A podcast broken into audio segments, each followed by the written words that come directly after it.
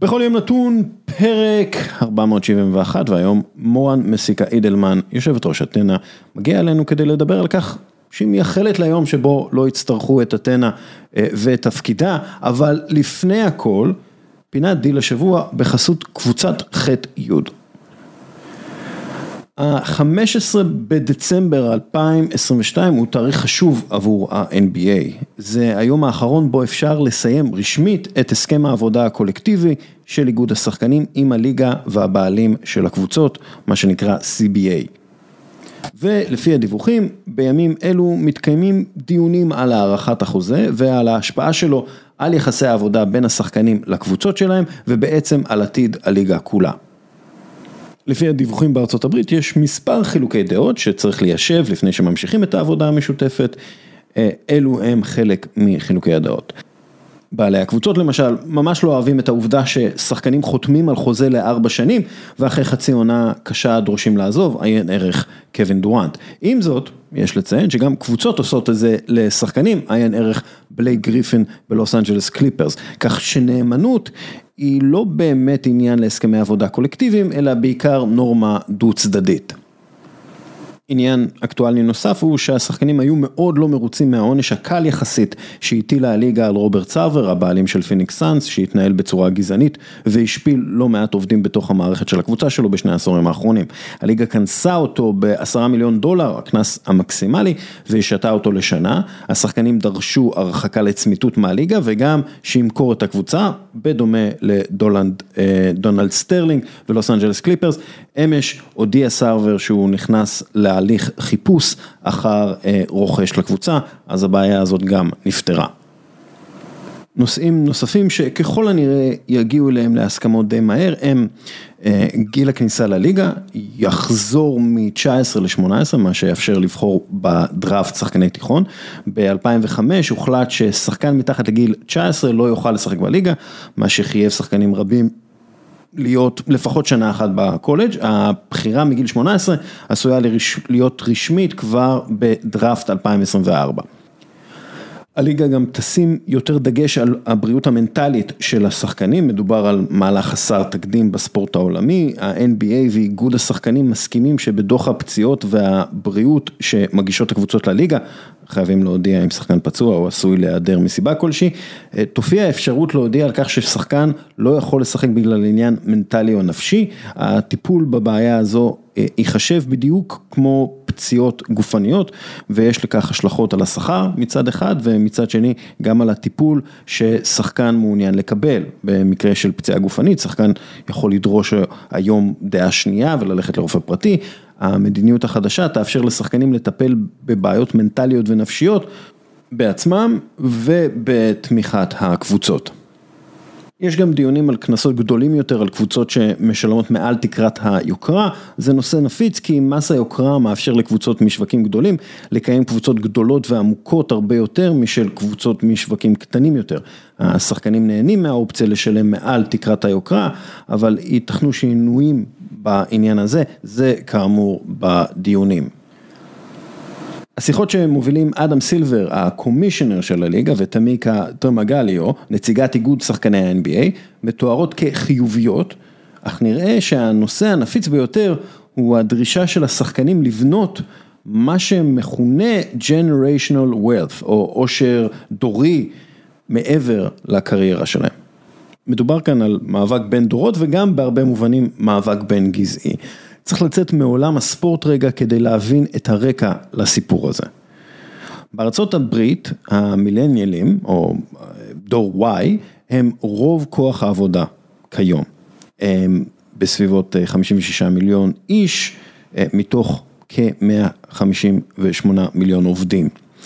ולמרות זאת הם מחזיקים רק ב-4.6 מההון האמריקאי, כאשר הבומרים נולדו בין 1946 ל-1964, מחזיקים בהון גדול פי 10.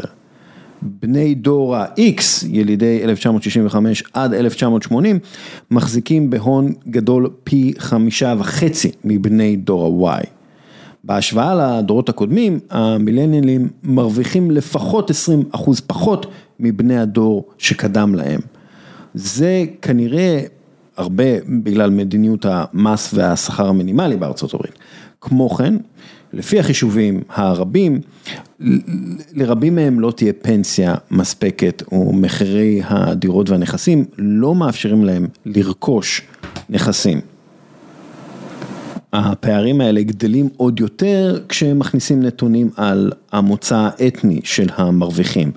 ב-2019 העושר החציוני של משפחה שחורה עמד על 24 אלף דולר, העושר החציוני של משפחה לבנה עמד על כ-190 אלף דולר. כלומר, המשפחה השחורה הממוצעת שווה פחות מ-13% ממשפחה לבנה ממוצעת. זה פער שנגרם הרבה בגלל מדיניות גזענית בשנות ה-50 וה-60 בארצות הברית, שמנעה ממשפחות שחורות לרכוש את הדירות שממש סובסדו על ידי ממשלת ארצות הברית. משפחות לבנות מן הסתם היו יכולות לרכוש את הדירות הללו, וכך נוצר פער עצום שכולו מבוסס על מוצא אתני. יש הבדל גדול בין ההון שיש לבעלי נכסים לבין אלו שיש להם עבודה מכניסה מאוד. רוב השחקנים ב-NBA גדלו בקהילות שחורות מוחלשות להורים ולמשפחות ללא נכסים. הם מודעים לחלוטין להבדל בין להכניס כסף לבין להיות בעל הון דורי או בעל אמצעים. זה שינוי מהותי מלפני כמה שנים, אז שחקני NBA היו מסיימים את הקריירה כמיליונרים ושנתיים לאחר מכן 60% מהם פשטו את הרגל, כך לפי מחקר של ספורט אילסטרדט ב-2009. כיום השחקנים, גם בסיוע הליגה והסכמי השכר הקיבוציים, כבר לא פושטים רגל אחרי פרישתם. יש להם פנסיה בריאה, הם משקיעים סכומים בחברות ובסטארט-אפים, הם חותמים על חוזים גדולים כאנשי תקשורת ומקימים חברות בעצמם. אבל הם עדיין מעוניינים לשנות את יחסי הכוחות, ויחסי הכוחות תלויים בנכסים. המילה שותפות בין הליגה לשחקנים אפיינה את השנים האחרונות בליגה. ההכנסות התחלקו כמעט שווה בשווה בין הבעלים לשחקנים, כשהשחקנים נהנים מ-50% או יותר מההכנסות. השחקנים שגם דרשו מהליגה להפסיק להשתמש בביטוי בעלי קבוצות ולשנות אותו למושלי קבוצות בגלל רגישויות היסטוריות, לבנים היו בעלים של עבדים שחורים בארצות הברית, דורשים כעת נתחים של ממש בבעלות על קבוצות הליגה. בשיחות המתקיימות בין הליגה לאיגוד מדברים על הקמת קרן מיוחדת לשחקנים שבאמצעותה הם יוכלו להיכנס כשותפים למבנה בעלות של קבוצות. יצירת הון דורי היא חשובה מאוד לפרק הבא של האיגוד, אמרה טרמגליו לאתלטיק השבוע. היסטורית התרכזנו ביצירת כסף, אבל כולם יודעים שבשביל להיות עם כסף צריך להשקיע. לחשוב על התרומה של השחקנים למשחק זה לא רק לחשוב על איך הם מקבלים שכר, זה גם לקבוע איך לייצר מבנים שיתרמו לשוויוניות. זה יכול להיות מכירת קבוצה, זה יכול להיות הכנסה מובטחת ליותר מארבע או חמש השנים של ההסכם הקיבוצי. זה נרחב, ואני לא חושבת שהיסטורית בדקנו את זה. הכל היה כאן ועכשיו. האיגוד טוען ובצדק, שיש שחקנים שאפשר לייחס להם הרבה מצמיחה בשווי של קבוצה מסוימת. קליבלנד קוולירס למשל לא הייתה שווה היום 1.65 מיליארד דולר בלי לברון ג'יימס.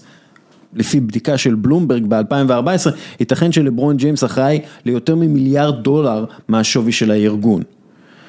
לברון ג'יימס קיבל שכר מקסימלי בקליבלנד, אבל זה יוצא פחות מ-40 מיליון דולר בשנה. אפשר גם לתת לסטף קרי הרבה מהקרדיט על כך שגולדן סטייט ווריארס הפכה מקבוצה ששווה בקושי 500 מיליון דולר, לקבוצה ששווה כיום אה, חמישה וחצי מיליארד דולר. לפי החישובים, סטף שווה כיום 160 מיליון דולר בלבד. האיגוד והשחקנים כאמור מעוניינים שתהיה להם את האופציה ואת התמיכה של הליגה להיכנס כבעלים לקבוצות שהם אחראים כל כך לשווי שלהם. זה אומר שצריך להניח תשתית חוקית ומעשית לזה, הקמת קרן משותפת לליגה ולשחקנים וחוקים שיאפשרו רכישת אחוזים על ידי השחקנים. ייתכן שזה עשוי להיות נושא שהבעלים לא יהיו כל כך מעוניינים להתפשר עליו, אחרי הכל השווי של הקבוצות תמיד היה היסטורית שלהם. העניין הוא שלמרות חילוקי הדעות, חלקם כאמור מהותיים, אף אחד לא יפוצץ את המשא ומתן. לא נראה שמישהו ירצה לקלקל את הכיוון שהליגה הולכת אליו, כיוון טוב ומלא בכסף. בקרוב תודיע הליגה על הסכמי זכויות שידור חדשים שייכנסו לתוקף מ-2024-2025. ההערכות הן שההסכמים יהיו שווים 75 מיליון דולר לתשע שנים, עלייה מ-24 מיליון דולר בהסכם הקודם. כמו כן, הליגה מתכננת להתרחב ל-32 קבוצות, כשהרחשים הם אה, שיוקמו קבוצות בלאס וגאס ובסיאטל.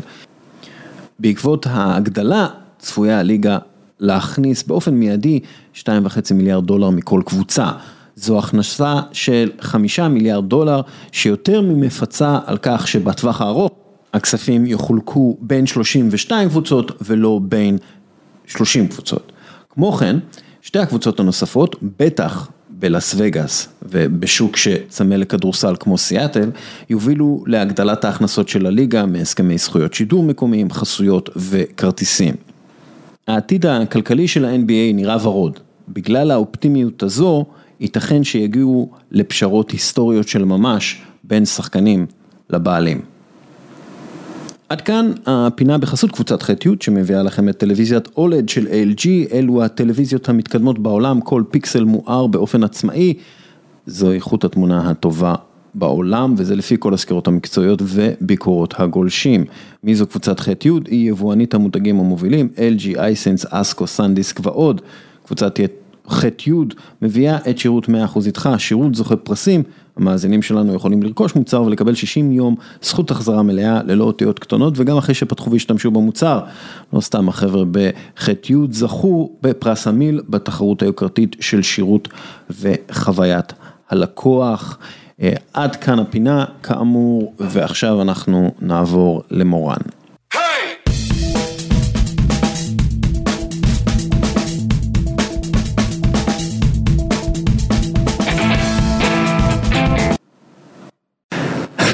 מורן מסיקה איידלמן היא מנכ"לית אתנה, המרכז לקידום ספורט נשים בישראל, היא הייתה מנהלת אגף הספורט במכבי ישראל, בעבר ניהלה את מחלקת הספורט בחברת כיוונים בעיריית באר שבע והייתה ספורטאית אתלטית בעברה, אהלן. היי, בוקר טוב. בוקר טוב. מה המצב? הרוב טוב. אני רוצה להתחיל עם שאלה קצת אחרת, האם יש לך קעקועים? ומה המשמעות שלך? כן, סליחה אבא, כן, יש לי שני קעקועים, קעקוע אחד עשיתי של ציפור אש, ובעצם עשיתי אותו אחרי שפרשתי מהאתלטיקה. כי הרגשתי שאני צריכה להמציא את עצמי מחדש, במובנים רבים, בחלומות, ביעדים, במי שאני, בלי האתלטיקה. ועם האתלטיקה, כי בסוף זה חלק ממני. שמה ציפור אש מסמל? ציפור האש, הסיפור עליה אומר שברגע שהיא מרגישה לאה, אוקיי, וכאילו היא מיצתה את עצמה, אז היא שורפת את עצמה, ומיסודותיה נבראת מחדש. וגם יש לה יכולות ריפוי וכל מיני כאלה, אז במובנים מסוימים הרגשתי שאני צריכה להמציא את עצמי מחדש, אבל כמובן מיסודותיי, לא איזה משהו תלוש. וקעקוע. כלומר, כאילו חקקת את ההשתנות. נכון. לא חקקת את שהיא, את התוצר של ההשתנות, לא חיכית קצת לתוצאה. לא. שההשתנות זה מה שבעצם מגדיר אותך. אני חושבת ש... שזה ליווה אותי לאורך החיים גם, אחרי זה, בצמתים אחרים. שבסופו של דבר השינויים הרבה פעמים בחיים, אנחנו לא צופים אותם, חלק אנחנו צופים, חלק לא, לא צופות, אבל היכולת שלנו להגיב לשינוי ולהשתנות יחד היא בסופו של דבר קריטית. וזה באיזה גיל? 25 כמעט. את פורשת בגלל, למה? האמת, האמת, היו לי מלא מלא סיבות, ישבתי, דיברתי אז עם המאמן שלי, אלכס מרמן. אבל האמת, האמת שהפסקתי להאמין. Okay. בסופו של דבר עברתי איזשהו תהליך ופציעה מאוד קשה של עשרה קרעים באלכסון בבטן, ו, ובאיזשהו שלב בדרך הרגשתי שאני מפסיקה להאמין, שזה כבר לא כל כך משנה אם אני אצליח או לא אצליח, וזאת הייתה נקודה נכונה עבורי להפסיק, וזהו, הקעקוע השני הוא, של ה... הוא מסמל לידות, יש לי שני... שני פרחים שהם הילדים שלי, על רגל שמאל בפנים. אוקיי, עכשיו, כשאת עוזבת את הספורט, את אומרת, אני הולכת לעזוב את הספורט, או שאת אומרת, לא, אני הולכת להישאר בספורט? לא, וואו, אני כשעזבתי את הספורט, עזבתי בתחושה, זה היה שבר עבורי, זאת אומרת בגיל 24-5 פתאום אה, אני מבינה שלא כל החלומות מתגשמים וזה גיל צעיר אני חושבת אה, שההכרה הזאת אה, תיפול עלייך, אז אני עוזבת, אה, אני כבר לומדת מנהל עסקים ומדעי המדינה באוניברסיטת תל אביב ומתחילה אה, איזושהי בריחה מעולם הספורט ועבדתי כמה שנים טובות בהייטק בכלל. ושוב, רק אה, כדי להבהיר למאזינים, את בספורט בעצם עד גיל 25, כאילו מגיל כן. 0 עד גיל 25. לא אפס, אני נכנסתי רנדומלית לספורט, אוקיי. שזה הסיפור של הספורט שלנו במדינת ישראל, אני בגיל 14, בתיכון, נכנסת מורה, אומרת חברות, חברים, יש תחרות אתלטיקה, אה, אני יודעת שיש לכם מבחן במתמטיקה, אבל מי שיבוא לתחרות, אה, יהיה לו מועד ב', אנוכי מרימה את היד בהתלהבות עזה, ואומרת, אה, כן, כן, ברור, אני תחרות אתלטיקה, ומשם אה, זה התחיל, רנדומלי לחלוטין. בגיל 14. 14, תוך שנתיים הייתי כבר... אה, זה מזכיר לי את הסיפור על איקר קסיאס, שהוא היה בתיכון, והוא היה, הוא היה שוער בריאל מדריד, בנוער, ואז מגיעים אליו באמצע היום, אומרים, תקשיב, תלך ל- לחדר של המנהלת, הוא אומר, מה, כאילו, מה עשיתי, לא זה, הוא הוא הולך לחדר של המנהלת ואומר, תקשיב, ריאל מדריד נוסעת לאירופה, נפסל לה השוער, אתה צריך ללכת. וכזה, מה? זה, זה בערך מה שקרה. כן, זה- אה, אתה יודע, השווית את זה לסיפור, אה, לא, וואו, אני, אתה יודע, בקטן מאוד, אבל כן, לפעמים הדברים הם רנדומליים. אז מה גרם לך אה, לחזור בעצם? אה, זה נורא אישי, הייתי בהיריון עם הבן שלי, שנינו הייטקיסטים. אה, שלך? לא, אני והבן זוג שלי לשעבר, הבן שלי המני הייטקיסט, רק לו כדורגל בבקשה, מיתר אם אתה שומע. אה, אז אני ככה בהיריון. ואני חושבת לעצמי, שנינו בעצם אה, עובדים, אני רואה בזה קצת אה, כלוב מזהב, בסדר? זה כזה הכל נותנים לך ורק שתישאר ואת השעות. אה, באותה תקופה הייתי בסאפ. אה, SAP. כן, רעננה? כן, עוד שהיה מגדל עם השפיץ למעלה, זאת הייתה התקופה. אגב, אה, אנחנו אה, שירתנו ביחד. כן, גדול. הייתי קרוב. אוקיי, אז אני יושבת שם. ואני שואלת את עצמי את השאלות, ואני מבינה שאם שנינו במסלול הזה, אה, צריך להביא מישהו לגדל את הילד. אה, ואני גדלתי בבית שאימא הייתה, אימא הייתה מורה, אחרי זה מנהלת בית ספר, ומאוד רציתי להיות נוכחת. וזה השלב שאני גם מבינה מה התפקיד המגדרי שלי באירוע הזה, אה, כי זאת לכאורה לא הייתה שאלה. זאת אומרת, זה, זה לא עלה על הפרק. וזהו, ואני מחליטה ללכת על זה, ואני עם מיתרי, אני יולדת ואני איתו. ואז אני מתחילה לחשוב, אוקיי, מה את רוצה לעשות? ולאט לאט אני מתחילה לחזור אה, לתוך עולם הספורט ממקומות אחרים, בהתחלה אימנתי, אימנתי קבוצות תחרותיות של כדורסל, בכושר גופני, בדרום, במיתר, אה, קצת אתלטיקה, הרבה פילאטיס, כמשקמת גוף אחרי, וזהו, ובדרך לא דרך מתגלגלת לתוך מחלקת הספורט, באירוע הראשון שלי, אתנה הולכות רחוק, אני הייתי המגייסת לאירוע, אה, ומשם כבר נשארתי. אמ, ומאז את בהרבה תפקידים מנהיגותיים בספורט הישראלי, אמ, אחת מהנשים הכי משפיעות על הספורט הישראלי כרגע, עכשיו, השאלה שלי, מה זו מנהיגות עבורך? אה, מה זו מנהיגות עבורי? אני מתחבטת בשאלה הזאת אה, לא מעט, אה, כי בסופו של דבר אה, המנהיגות היא גם מול ה... מצד אחד מול הרכזות שהן one on one איתי כמעט בתוך המחלקה, ומצד שני גם אל מול השטח. אני חושבת שבסופו של דבר זה, זו היכולת לרכז איזשהו צבר של אנשים סביב מטרה משותפת, להאמין בה ולאפשר לכל אחת בצוות אצלי, ובכלל, פגשתי את זה גם בתפקידים קודמים, אה, לאפשר להם למקסם את היכולות שלהן. לתת להן את הכלים להצליח במה שהן טובות. וכל זה סביב מטרה אחת משותפת שהן מגויסות אליו ברמה הערכית. אה, ואני כל הזמן מנסה לקחת אותן ככה בדרך משותפת, זה שלנו, זה לא שלי, זה שלנו. ואמרת אחת הנשים, אני באמת אחת מיני. יש המון גברים ונשים שהם חלק מהאג'נדה הזאת, אה, זו גם מנהיגות. כמה המנהיגות, ועכשיו זו שאלה קצת מורכבת, כמה המנהיגות היא פנימית, אני מול הארגון שלי, אני מול הרכזות, אני מול העובדות בארגון, וכמה זה חיצוני. אני צריכה לגייס אה, כסף, אני צריכה אה, להיות שגרירה של ספורט נשים, אני צריכה להיות ייצוגית, כלומר איך, איך זה מתחלק? אני חושבת שזה מהדהד אחד את השני, אין איזה דיכוטומיה ברורה שאני יכולה להגיד לך באחוזים, זה מתחלק ככה, ככה. אנחנו בכל יום נתון, אנחנו צריכים אחוזים. כן. יש, יש תקופות ש, שנכון, כשנכנסתי לאתנה היה נכון שנייה לטפל בארגון פנימה. זהו, הוא עבר טלטלות, אתנה הייתה צריכה להוכיח את עצמה, אה, היו רגעים שלא היה ברור מה יהיה עם המרכז לקידום ספורט נשים, אז היה נכון שנייה בעיניי לרכז המון מהמשאבים פנימה בתוך הצוות ולגלות איזושהי אחריות ואמונה כלפיהן. זאת אומרת שאני מאמינה שכל אחת ואחת מהן חשובה לצוות ושאנחנו הולכות לקיים איזו משימה מאוד מאוד גדולה שתישאר אחרינו והיא לא תלויה פרסונלית, לא מורן ולא אה, עופרי שהיא של, שלנו ביחידה ולא רות והדר, זה, זה לא פרסונלי, זה גדול מאיתנו.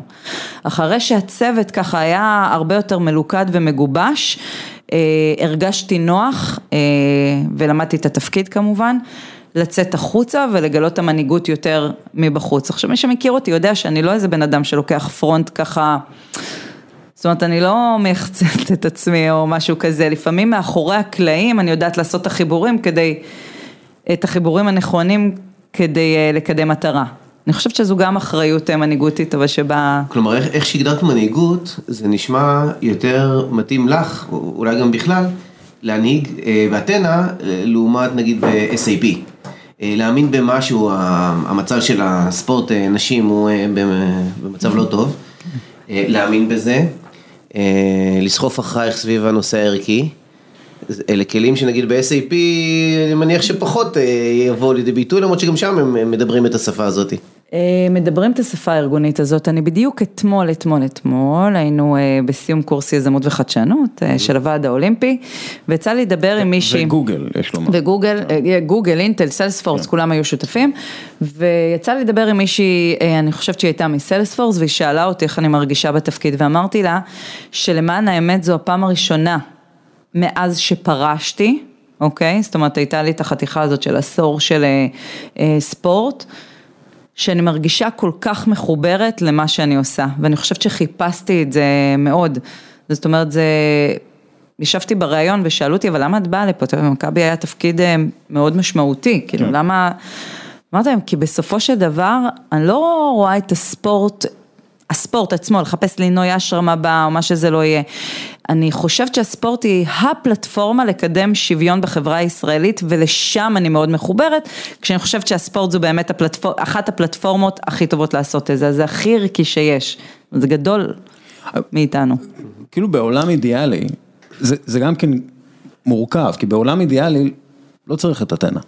נכון. כלומר, בתרבות, ספורט, שיש בה מועדונים וילדות וילדים עושים ספורט על אותו המגרש, לא צריך את אתנה. חד משמעית, אני אומרת את זה בכל שולחן. אז כאילו את שואפת לעולם שבו לא צריך את התפקיד שלך. חד משמעית. אני יושבת בשולחנות ואומרת הלוואי, הלוואי ועוד איקס שנים מהיום, נשב ונחליט, הגענו, לא צריך את אתנה. אולי אתנה תעשה דברים אחרים. זאת אומרת, אתנה הוא גוף מקצועי, אפשר לייעד אותו למקומות חברתיים, זאת אומרת, זה צד אחד, אבל ביום שלא יצטרכו את אתנה ברמה המגדרית, שאנחנו נהיה שוות על המגרש ומחוצה לו, מדהים בעיניי. גם יש עוד משהו שאת אמרת, את סוג של, את משרתת את הנושא, שהאגו הוא לא ברמה של מי אני מורל וכמה שיראו אותי וכן הלאה, אלא יש כאן נושא שהוא המוביל. זו תפיסה שהרבה יודעים להגיד אותה, מעט מתנהלים לפיה. ואז הספורט שלנו מאוד אה, רואים את הצבע הזה של האגו בכל מקום, וזה גם אה, מקשה עלינו. אה, אני חושבת שהשיעור הכי מהותי בניהול אגו, שלמדתי היה דווקא כשהייתי במכבי ישראל ובעבודה הזו בתוך איגוד ההתעמלות. ששאלתי את עצמי, מה התפקיד של הנהלה בעצם?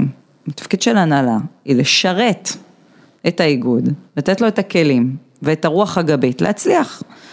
עכשיו שם היו באמת אה, לא מעט אה, עניינים והיה אה, מאוד ברור לי די מההתחלה למרות שכנרת תמיד נתנה לי וכנרת היא שיעור מאלף, זאת אומרת היא חברה לדרך, אחת הנשים הכי מרשימות שאני מכירה בעולם הספורט והיה לי מאוד מאוד ברור באיגוד שהתפקיד שלי זה לסייע לה בכל מה שניתן להצליח כיו"רית האיגוד הזה. וזה היה ניהול אגואים לא, לא קטן, כי בסופו של דבר יושבים בהנהלה אנשים אה, מרשימים. כל אחד בפני עצמו ורוצה להביא את עצמו לידי ביטוי ולפעמים רוצה לשמוע את עצמו מדבר ולהראות את עצמה ו...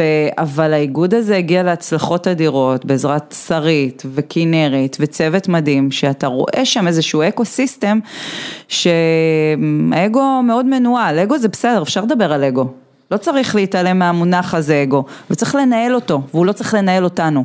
שרית אמרה לנו את זה. כן, eco system, לא ego system. בדיוק, בדיוק, זה לא, כן. גם יש מנהלים שלוקחים את זה לקיצון האחר. ואומרים, טוב, אז אני אשים את האגו שלי בצד, ואז הרבה פעמים אני אומר, רגע, אבל אתה כאן היית צריך להיות בקדמת הבמה. תעמוד, אתה זה לא האישו, יש את הנושא שאתה צריך לקדם. אם אתה צריך בשביל זה לעמוד בקדמת הבמה, אתה תעמוד בקדמת הבמה. אם אתה עסוק יותר מדי, קדמת הבמה, לפעול מאחורי הקנים, במי אתה עסוק? בעצמך. לא טוב, לא נכון, טוב. נכון, נכון, מאוד, מאוד מדויק. כשהאג'נדה דורשת, ואני מבינה, ואני לא... באמת, זאת אומרת, גם להגיע לפה זה היה סוג של להבין שאני מייצגת אג'נדה. אני, היה יותר קל לבוא ולהגיד, דסקל, בוא, תשמע, כי אני באמת לא, אני מעדיפה לשבת ולעשות את העבודה ולהתעסק בברזלים, אבל בסוף האג'נדה היא חזקה ואני מייצגת איזושהי אג'נדה ונכון שהיא תבוא פה לידי ביטוי, אז כשצריך, צריך. בדיונים על תקציבים. כן. מה התפקיד שלך ואיפה, איפה כאילו בא לידי ביטוי, את יודעת, הניסיון שלך, הרחב שלך בספורט, ודרך אגב גם בהייטק וכולי, כלומר, איך את מביאה את האיכות האנושית הזאת לדיונים הכי, את יודעת, nitty gritty של כן. הספורט הישראלי על התקציבים. ואני אוסיף לזה, כשאת מגיעה לדיונים, ואת, אפרופו, את מרגישה שיש כאן ego system, מה את עושה כדי להפוך את זה ל eco system תומך? אה, קודם כל אני חושבת שזה, המון מהדברים פה הם לא מדע מדויק, הם אינטואיטיביים. אני מסתכלת על השולחן, אני לרוב יודעת למפות מה, מה הם יחסי הכוחות, מי מי, מי לא, אה, אה, עם מי צריך לדבר ככה ועם מי ככה ואיפה אני עלולה לעלות על מוקשים. בנושאים של דיונים תקציביים שהם נושאים אה, יותר חותכים, אה, אני באה ואומרת את עמדת אתנה, זאת אומרת איפה אני חושבת שאתנה צריכה להיות היום ואם המדיניות של המשרד היא להוביל למקום כזה אז איך הכי נכון לייעל את זה? ובגלל שאני מגיעה ממקומות יותר אה, מדידים אז אני מאוד נשענת על מספרים, זאת אומרת כמעט כל התוכניות של אתנה היום ואני סתם אמרתי כמעט, כל התוכניות של אתנה היום מלוות על ידי בקרה ומדידה וזה משהו שדיברתי המון עם הרכזות שטח, אמרתי להם, זה שאנחנו מודדים לא אומר שנכשלתם. מה זה אומר? מה, מה מודדים? אני מודדת כמה, אוקיי? כי אתנה באג'נדה שלה היום מטפלת בכמה נושאים. הראשון שבהם זה כמות הספורטאיות התחרותיות במדינת ישראל. הידעתם שהמדיניות של אתנה בעבר לא דיברה על תחרותיות, דיברה על עוסקות בספורט.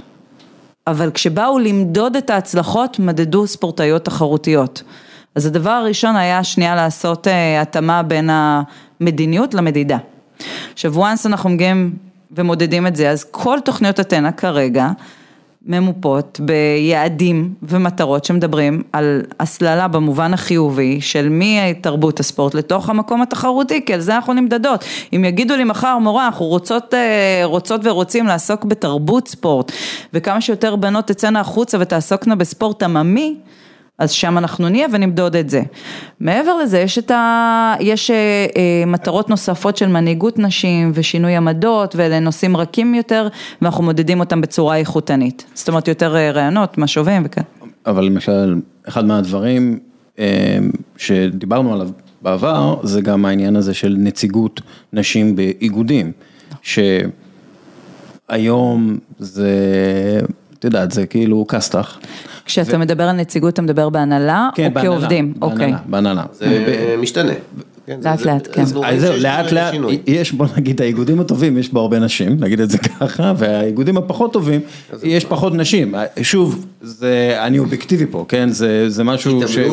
התעמלות, כדור מים. אבל, אבל כאילו, איך, איך באמת, את יודעת, גורמים לזה שנשים יהיו בצוות מקבלי ההחלטות ב- בהתאחדות לכדורגל, למשל. אני ככה, אז כאן זה המקום לפרגן למשרד התרבות והספורט ונורית שרביט, שקידמו רגולט, רג, רגולטיבית את הדרישה ל-30% נשים בהנהלה. עכשיו, צריך לקחת בחשבון שתהליכים כאלה לוקחים זמן. אז בהתחלה זה כמו שאתה אומר כסת"ח, אבל אחרי זה השטח, אתנה, הוועד האולימפי. ואנחנו, יש לנו תוכניות מיוחדות שמכשירות נשים למקום הזה, שמלמדות נשים מתוך הזירה הזאת של הספורט, נשים מתוך הרשויות המקומיות בספורט וחברה, נשים מתוך המועדונים, נשים מקבוצות, כל מי שעוסק בדבר אה, ובספורט, אנחנו מכשירות אותה לקחת חלק במקום הניהולי ומעודדות אותה להשתתף בזירה הזאת. הרבה פעמים נשים לוקחות את ה... אני לא מתעסקת בפוליטיקה, זה... את כן מתעסקת בפוליטיקה. הכל פוליטי. פעם מישהי אמרה לי, גם כשאת מתווכחת על מי, מי שוטף את הכלים ומוציא את הזבל, זה פוליטי. אם לא, אם לא ניכנס לזירה הזאת הפוליטית, וזה מה שאנחנו מעבירות מסר כל הזמן, ואני קוראת לכל אישה שעוסקת בספורט, לבוא ולקחת חלק משתתף ופעיל ואחראי בזירה הזאת. עכשיו הוועד האולימפי יש לו את הקורס דירקטוריות ואנחנו עושים איתו את הקורס, את הקורס המשך עם אה, אתנה שבעצם עושה איזשהו פורום שמאפשר לנשים לעשות את ה mingling הזה שקורה באופן טבעי בין, אצל גברים במסדרונות. אנחנו מאפשרות את זה. אנחנו יש לנו את קורס אה, שוות בספורט שהוא הקורס ש... מלמד נשים שנייה את נבכי הניהול בספורט שכוללים גם היבטים פוליטיים אבל גם היבטים של משקפיים מגדריות, איך זה עובד. אה, אז אני מקווה שאנחנו שם, מה זאת אומרת בדרך. משקפיים אה, מגדריות? אה, אני אגיד על עצמי, בסדר? אני לא, לא אדבר על אחרות, סליחה. אדבר על עצמי, אני כשניהלתי את מחלקת הספורט בבאר שבע, אה, הסתכל, אתה יודע, כאילו הייתי אני, אני לקחתי גם אם הייתי צריכה מרפקים בדרך או מה שזה לא יהיה, לא הסתכלתי על הדברים שנייה אה, במבט אה, נקרא לזה ביקורתי. ולפעמים אם לא מסיטים את אלומת האור למקומות האלה, אה, או שמים את המשקפיים המגדריות, אז קצת מפספסים את הדברים בדרך, ומה שהקורס עושה זה אפילו, אה, את מוציאה פלייר, בסדר? היום זה הכל דיגיטלי, הזמנה, חוברת חוגים דיגיטלית, אם את לא דואגת או מסתכלת על זה שנייה בעיניים שההזמנה מדברת בלשון נקבה ושמה דמות ייצוגית נשית ו... אז, אז את מי את מזמינה? איך את מצפה שיבואו לקייטנת ספורט, אה, כולם יהיו בנים. אם את שמה איזה עלה תאנה אחד בצד, איזה ילדה כזאת שכאילו קופצת בשעשוע, אז אולי נבין שהיא בכלל רוקדת. אז בדברים הבסיסיים, תסתכלו שנייה על החומרים שיוצאים מהידיים שלכם, תסתכלו על החוגים שאתם מוציאים, שזה, שההיצע הוא לא רק ריקוד ל, לילדות, אלא גם ג'ודו, ואתלטיקה, וכדורסל, וכדורגל, זאת אומרת, ושאתם מקצים מתקנים, ריבונו של עולם, בצורה שוויונית, שם זה ה, באמת אחד מהמוקשים הכי גדולים שאנחנו אה, מתמודדות איתם, עם קצת המשאבים הזה. מה לגבי אה, מאמנות? אנחנו בדיוק, אתה מתפרץ לדלת פתוחה, אמ, אנחנו מסיימות, אוקיי, חלוקה של אה, מלגות אה, של אה, כל מי שעסקה בספורט או קשורה לספורט, כדי ללכת לתחום האימון. אה, זה אגב במבחני תמיכה יש לכם כאן רוח גבית. מאוד, מאוד מאוד. חד משמעית, אם לא הייתה רוח גבית כזאת חזקה ממשרד הספורט, אז כנראה שלא היינו עומדים אני אגיד ומדברים במילה כאן היום. לתת הקשר למי שמקשיב לנו. במבחני התמיכה החדשים יש רוח גבית לקטע התחרותי שהזכרת לפני כן. נכון. ההישגי כלומר.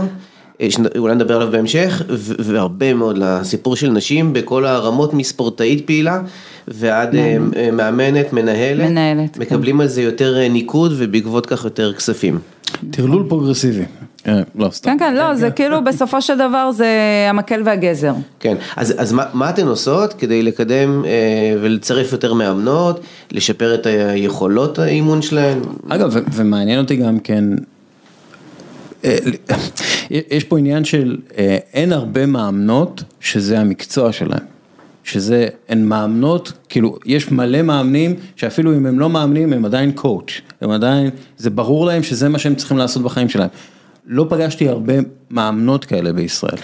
תשמע, זה אחד המחסומים התרבותיים היותר קשים, הבחירה של אישה, את האימון כמקצוע. כן. כי בסופו של דבר זה פוגש אותה ב...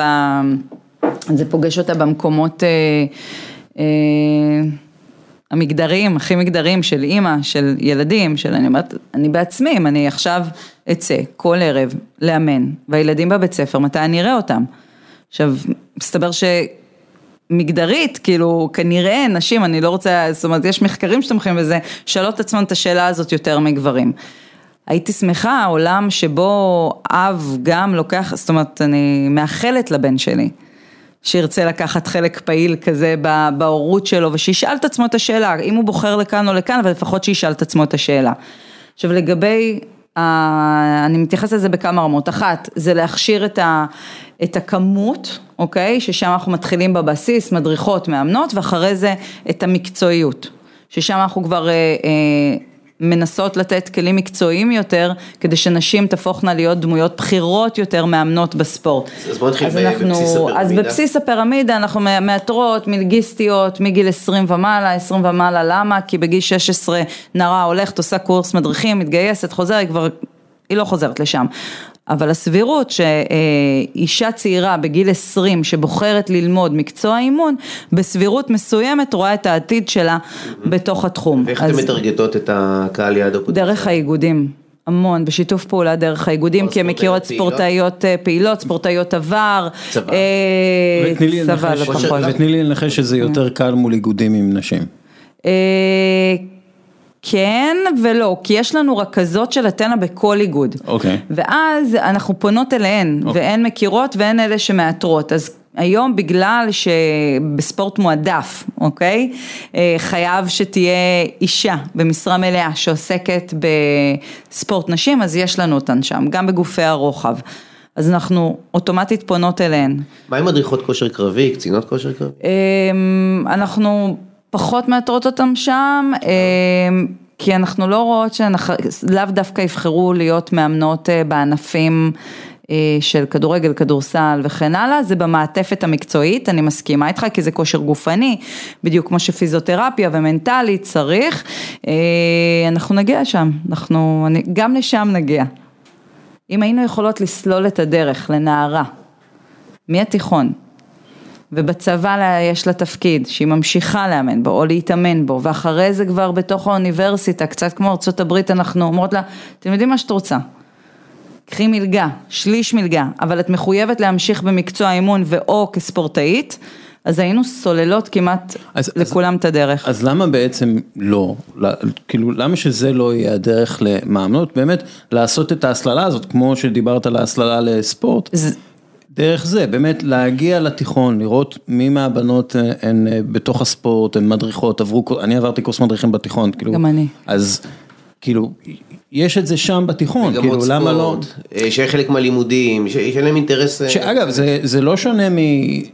נגיד דרך של ספורטאית ב- בארצות הברית, כן, לוקחים, מאתרים אותם בתיכון, הן הולכות לקולג', אולי אחר כך ממשיכות ל, לעולם הספורט גם כן. אנחנו, אני לא יודעת אם אתם יודעים, חילי, חילי הקים את הוועדה כדי, שאמורה להמליץ על אה, של- קידום ספורט של נשים, פולי, כאילו, לא? של פולי בורנשטיין, כן, שהיא דמות אה, מאוד מאוד מרשימה. אה, ובאמת אה, אנחנו נותנות בה המון המון אה, תקווה. עכשיו השאלה הזאת נידונה שם, זאת אומרת איך מייצרים את המסלול שבו אה, נערה עולה או ילדה ולא יורדת ממנו. לא יורדת, מתחילה את הדרך ו- וממשיכה אותה עד הקצה, אם כספורטאית ואם כמאמנת. וזאת שאלה, מה שאמרתי עכשיו זאת, ש... זאת אומרת שאלה שעלתה וענינו, יש לה משמעויות תקציביות אה, אדירות. אני אישית חושבת, וזו דעתי האישית, אני קצת לא מבינה למה זה לא אה, מהדהד קדימה, ספורט זה קו ראשון לרפואה מונעת, אני לא מצליחה להבין למה מערכת החינוך ומשרד הבריאות ומשרד הספורט ביחד לא מציירים את המסלול הזה עבור האוכלוסייה כולה. ומשרד ו- הביטחון. ומשרד הביטחון, כי- כן כן. כי זה אמור מה- להיות מה אמרת לי? אינטרס מה היה- קולקטיבי. מה היה הנתון שאמרת לי? אה, בארבעת העשורים האחרונים, המשקל של המתגייס עלה בעשרה קילו. די. כן. אז, אז יש פה לא אינטרס מאמינה. ברור, כן. מטורף, אתה מבין? יש פה אינטרס ברור של משרד הביטחון, כאילו, להשקיע גם אצל גברים וגם אצל כן. נשים, אין חד משמעית.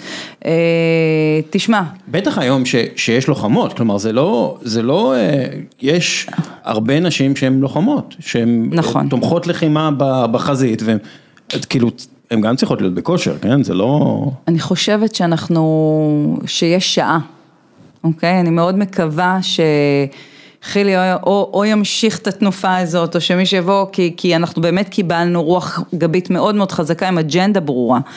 אה, והוועדה הזאת היא לא, תקשיבו, יושבות שם נשים וגברים מדהימים. יש ייצוג של הצבא בוועדה? אה, לא, לדעתי לא, אני, אני לא חושבת, אני נמצאת בתת הוועדה שעוסקת במבנה ותקצוב ושאר בתת ועדות, מבנה ותקצוב, אה, חסמים, כדורגל, כדורסל ורשויות מקומיות, מניחה שאתם מבינים למה, ואני לא חושבת שיש שם אה, ייצוג של הצבא, אבל הנושא הזה, הנושא הזה עולה והוא נידון ואני מאוד מאוד מקווה שהמסמך הזה קצת כמו מסמך דוברת, גם אם כל פעם חוזרים אליו ולוקחים חלקים ומיישמים, יהיה מסמך שייושם לאורך הדרך. בוא נדבר כדורגל כדורסל, זה באמת הענפים הכי אה, פופולריים בעולם, גם, גם, גם לנשים. לישראל.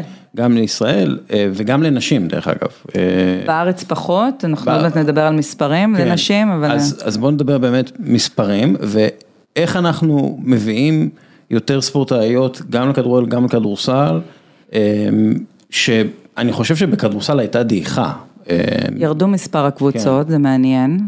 למרות שכדורסל הוא עדיין הענף עם אה, הכי הרבה ספורטאיות כן. אה, בארץ, קצת במספרים, 23 אחוזים מהעוסקים בספורט הן עוסקות בספורט, אם אנחנו הולכים לספורט זה קבוצתי. באופן כללי. כן, אם אנחנו, תחרותיים, אוקיי? תחרותיות.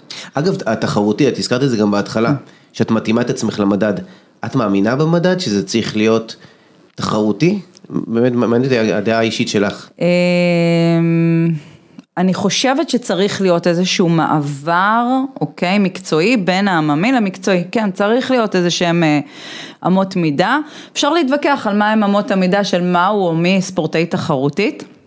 אה, היום המ- המבחן אומר, ארבע, בענפים אישיים, ארבע תחרויות רשמיות שהאיגוד מכיר בהן, מגילאים מסוימים, אה, יש גילאי חשיפה שזה שלושה אירועי חשיפה, שזה גילאים צעירים יותר, ובענפים קבוצתיים, אה, אני די בטוחה שזה 15 משחקי ליגה ומשחק גביע, וזה צריך להיות בעונה, תחום בעונה. אה, אז אני כן חושבת שצריך להיות איזשהו מדד ברור שמבחין את המעבר שהוא בין ספורטאי או ספורטאית עממית אה, לבין התחרותית. אה, לגבי הספורט הקבוצתי, אם אנחנו חוזרים למספרים, אז אנחנו כבר יורדים מ-23% ל-12%.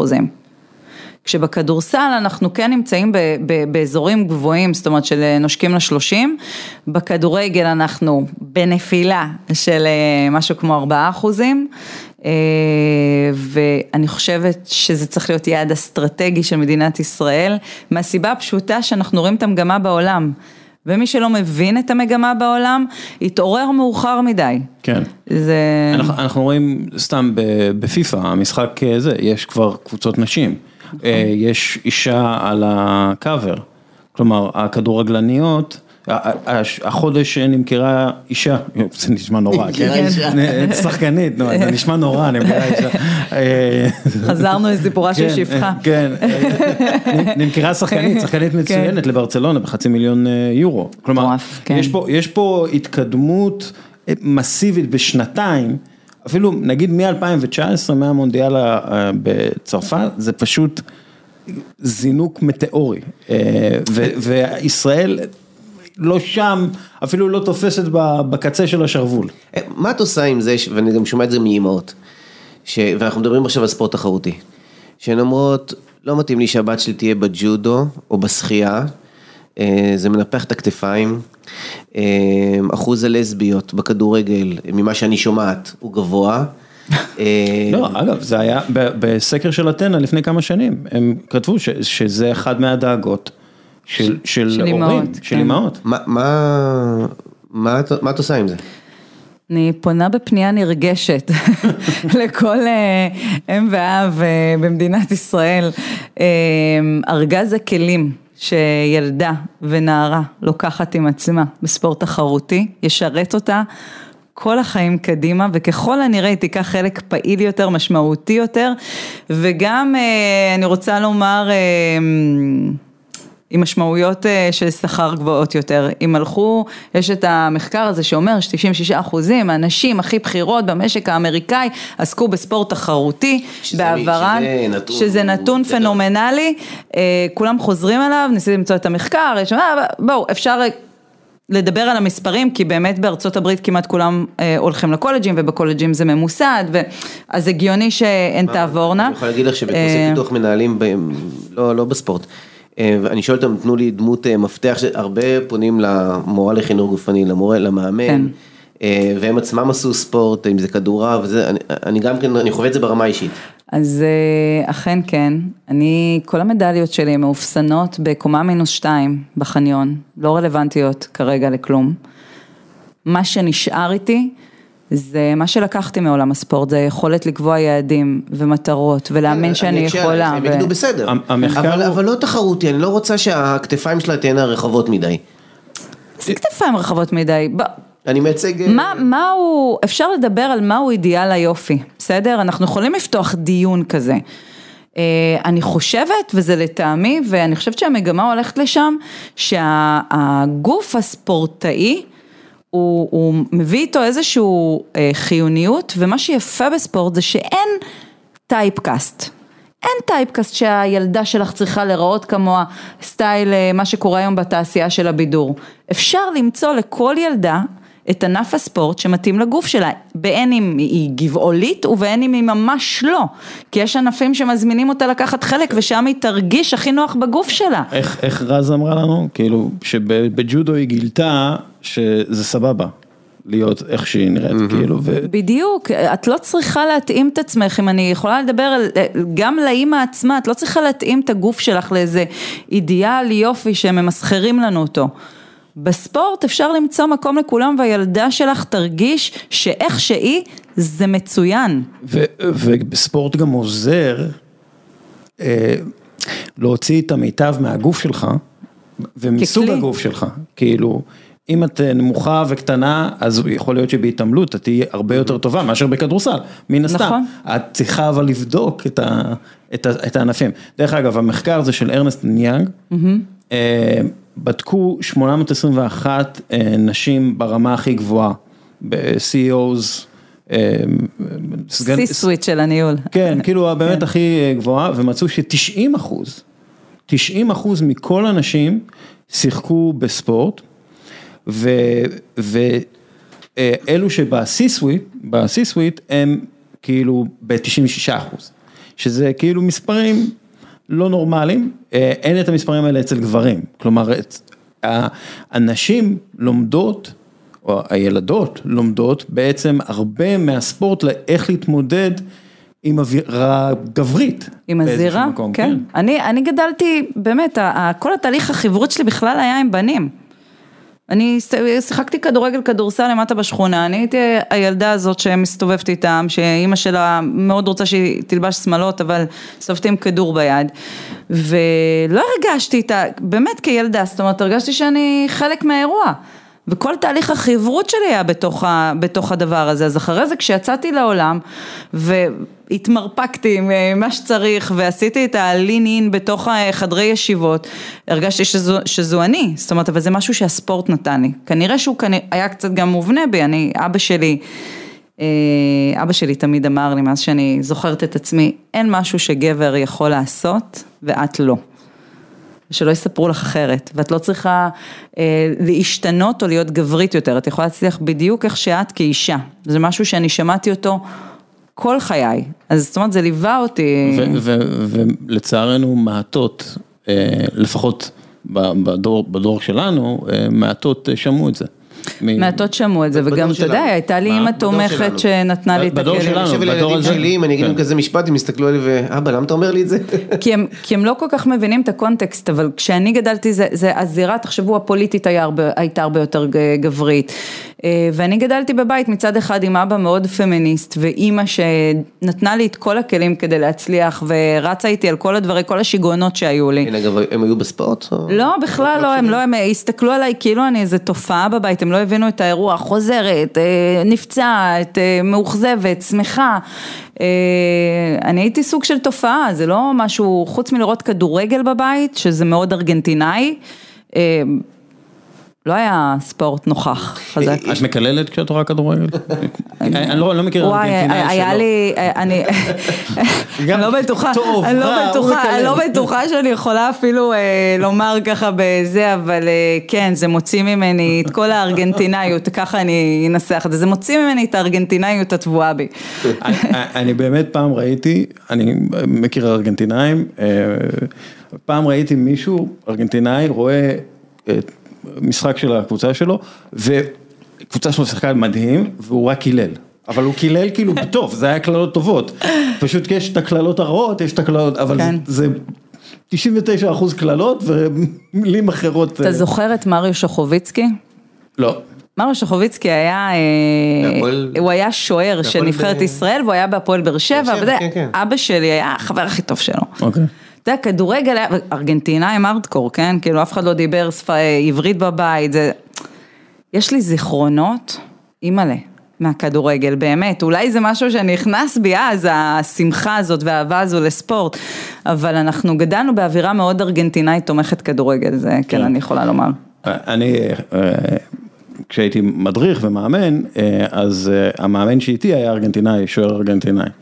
ועברית הוא לא ידע, הוא ידע לקלל בעברית, אבל זה באמת, כאילו, ה- זה כאילו ממש בתוך האישיות שלך, איך אתה מסביר את המשחק ב... זה תרבותי. אתמול הייתי כן, זה- במשחק בירושלים אה, של נערים א', אה, הפועל ירושלים נגד אה, הפועל באר שבע. ואבא של אחד הילדים, ארגנטינאי, והבן שלו, הוא אמר לי, הוא קיבל זעזוע מוח ביום שבת. Oh my god. והוא שיחק ביום אה, חמישי, אמרתי לו, למה אפשר לשחק חכות? הוא אמר, "אה, הוא ארגנטינאי, אנחנו- ארגנטינאים, אין מה לעשות. זה גדול מאיתנו. אה, יש לי שאלה ברמת התכלס. אתמול או שלשום היה גם כנס שהפועל ארגנו לטובת האגודות של איך, איך, איך פועלים במבחן. המרכזים, אני חושבת, אה, אה, זה כן, מכבי הפועל וזה, כן. מעולה. אה, אני מנהל מועדון טניס. אה, אתנה יצא בקול קורא שמעודד אותי, אה, כמה שיותר אה, בנות שייכנסו למעגל הזה, תחרותי וכו'. איך זה עובד בפועל? כמה אני מקבל יותר, אם השחקנית מגיעה להישגים, עכשיו אני יודע מבחנת ממך, את לא יודעת, את לא יודעת עכשיו כמה יקרה, את צריכה לחכות קצת, אבל מה זה אומר בפועל, אם את יכולה קצת להכניס אותנו ברמת הפרטים, למה למנהל מועדון, אני עכשיו פונה למי שמקשיב לנו שהוא מנהל מועדון, או שהוא קשור לזה, ושיכול להבין שהמועדון יכול קפיצת מדרגה, מה זה אומר בפועל? בעצם אתנה, אני חושבת, ב... זה משהו שככה ניסינו לפצח ביחד בקולות קוראים האחרונים שבאמת אה, מכוונים יותר למקום ש... של אה, לקחת ילדה ולהביא אותה למקום התחרותי. עכשיו, צריך להבין שבחוגים, חוקי המשחק הם השוק התחרותי. זאת אומרת, שאם אני היום מנהלת אגודה ואני מחזיקה גם חוגים וגם תחרותי, ילדה של תחרות עולה לי יותר כסף, אבל הן מכניסות אותו עולה דבר. מכ- אה, עולה, עולה. היא עולה, העלות שלה, כי היא צריכה הסעות ותלבושות וקצת סדנאות להורים ומנטלי והמאמנת של, שלה או שלה צריכים כן, להיות טובים יותר, ואז? ואז, כי הן משלמות חוג, הן משלמות כן, אותו אבל יש דבר. את ה- עכשיו את התמיכה של... אז, אז פה נכנסת בעצם התמיכה של אתנה. אני באה ואני אומרת, אני מבינה שה, שהשוק החופשי פועל פה, ובקבלת ההחלטות לאו דווקא אה, משתלם לך כ... להסליל אותה למקום התחרותי, פה אתנה נכנסת. שאין מאמנים תחרותיים, כי עדיף. בשוק וכו' וכו', אוקיי. וזה קל יותר, אז אה, אתנה נכנסת במקום הזה, אם אנחנו מדמיינים את הפירמידה, בסדר? אני אומרת, אה, אני מנסה להסביר את זה ככה, אז אנחנו מדמיינים את הפירמידה, בבסיס יש את, הת- את העממי, את התשתיות, באמצע יש את התחרותי ובשפיץ יש את ההישגי. בהישגי, אנחנו 50-50 כמעט, אנחנו יודעות את זה, הפירמידה היא כמעט הפוכה אצל נשים. בתשתית, אתנה הרבה פעמים מנסה להיכנס בבין העממי לתחרותי. ברובד הזה, בשטח האפור הזה, כדי לעודד את מקבלי ההחלטות לדחוף בין אם זה ילדות למקום התחרותי, מאמנות למקום המקצועי, כי שם מבחני התמיכה מתגמלות אתכם, אם יש לכם מאמנות בכירות יותר, או נשות ניהול. בסדר? יש רובד שעוסק במאמנים ומאמנות בכירים והוא מתגמל נשים גם באיגודים עצמם.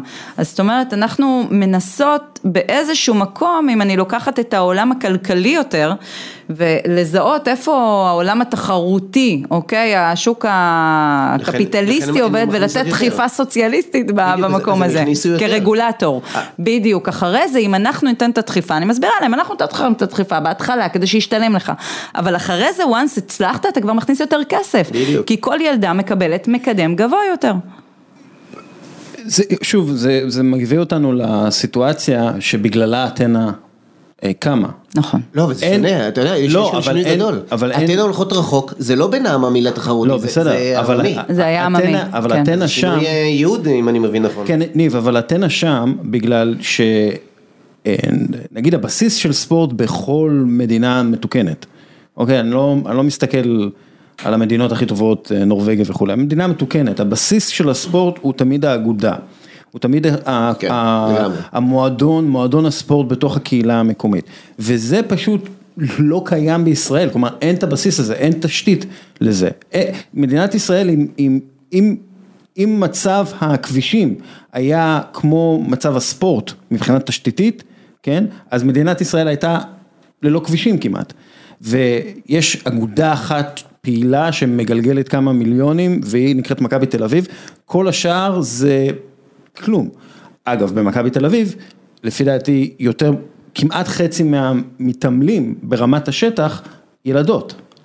אפילו, אפילו יותר מחצי. אנחנו מדברים על מכבי תל אביב ענפים. ענפים, כן, מכבי תל כן. אביב ענפים, לא מכבי תל אביב כן. כדורגל כדורסל, מכבי תל אביב ענפים, האגודה, אגודת הספורט מכבי תל אביב, כן, אז למשל ההתעמלות שם זה, הם חזקים מאוד בדיוק, בהתעמלות. ההתעמלות, כל- נבחרת הנשים זה מכבי תל אביב, כן, בנות הם פתאום לא, יש שם מאוד אגודות, יש הפועל לא ויש מכבי פתח תקווה, אבל...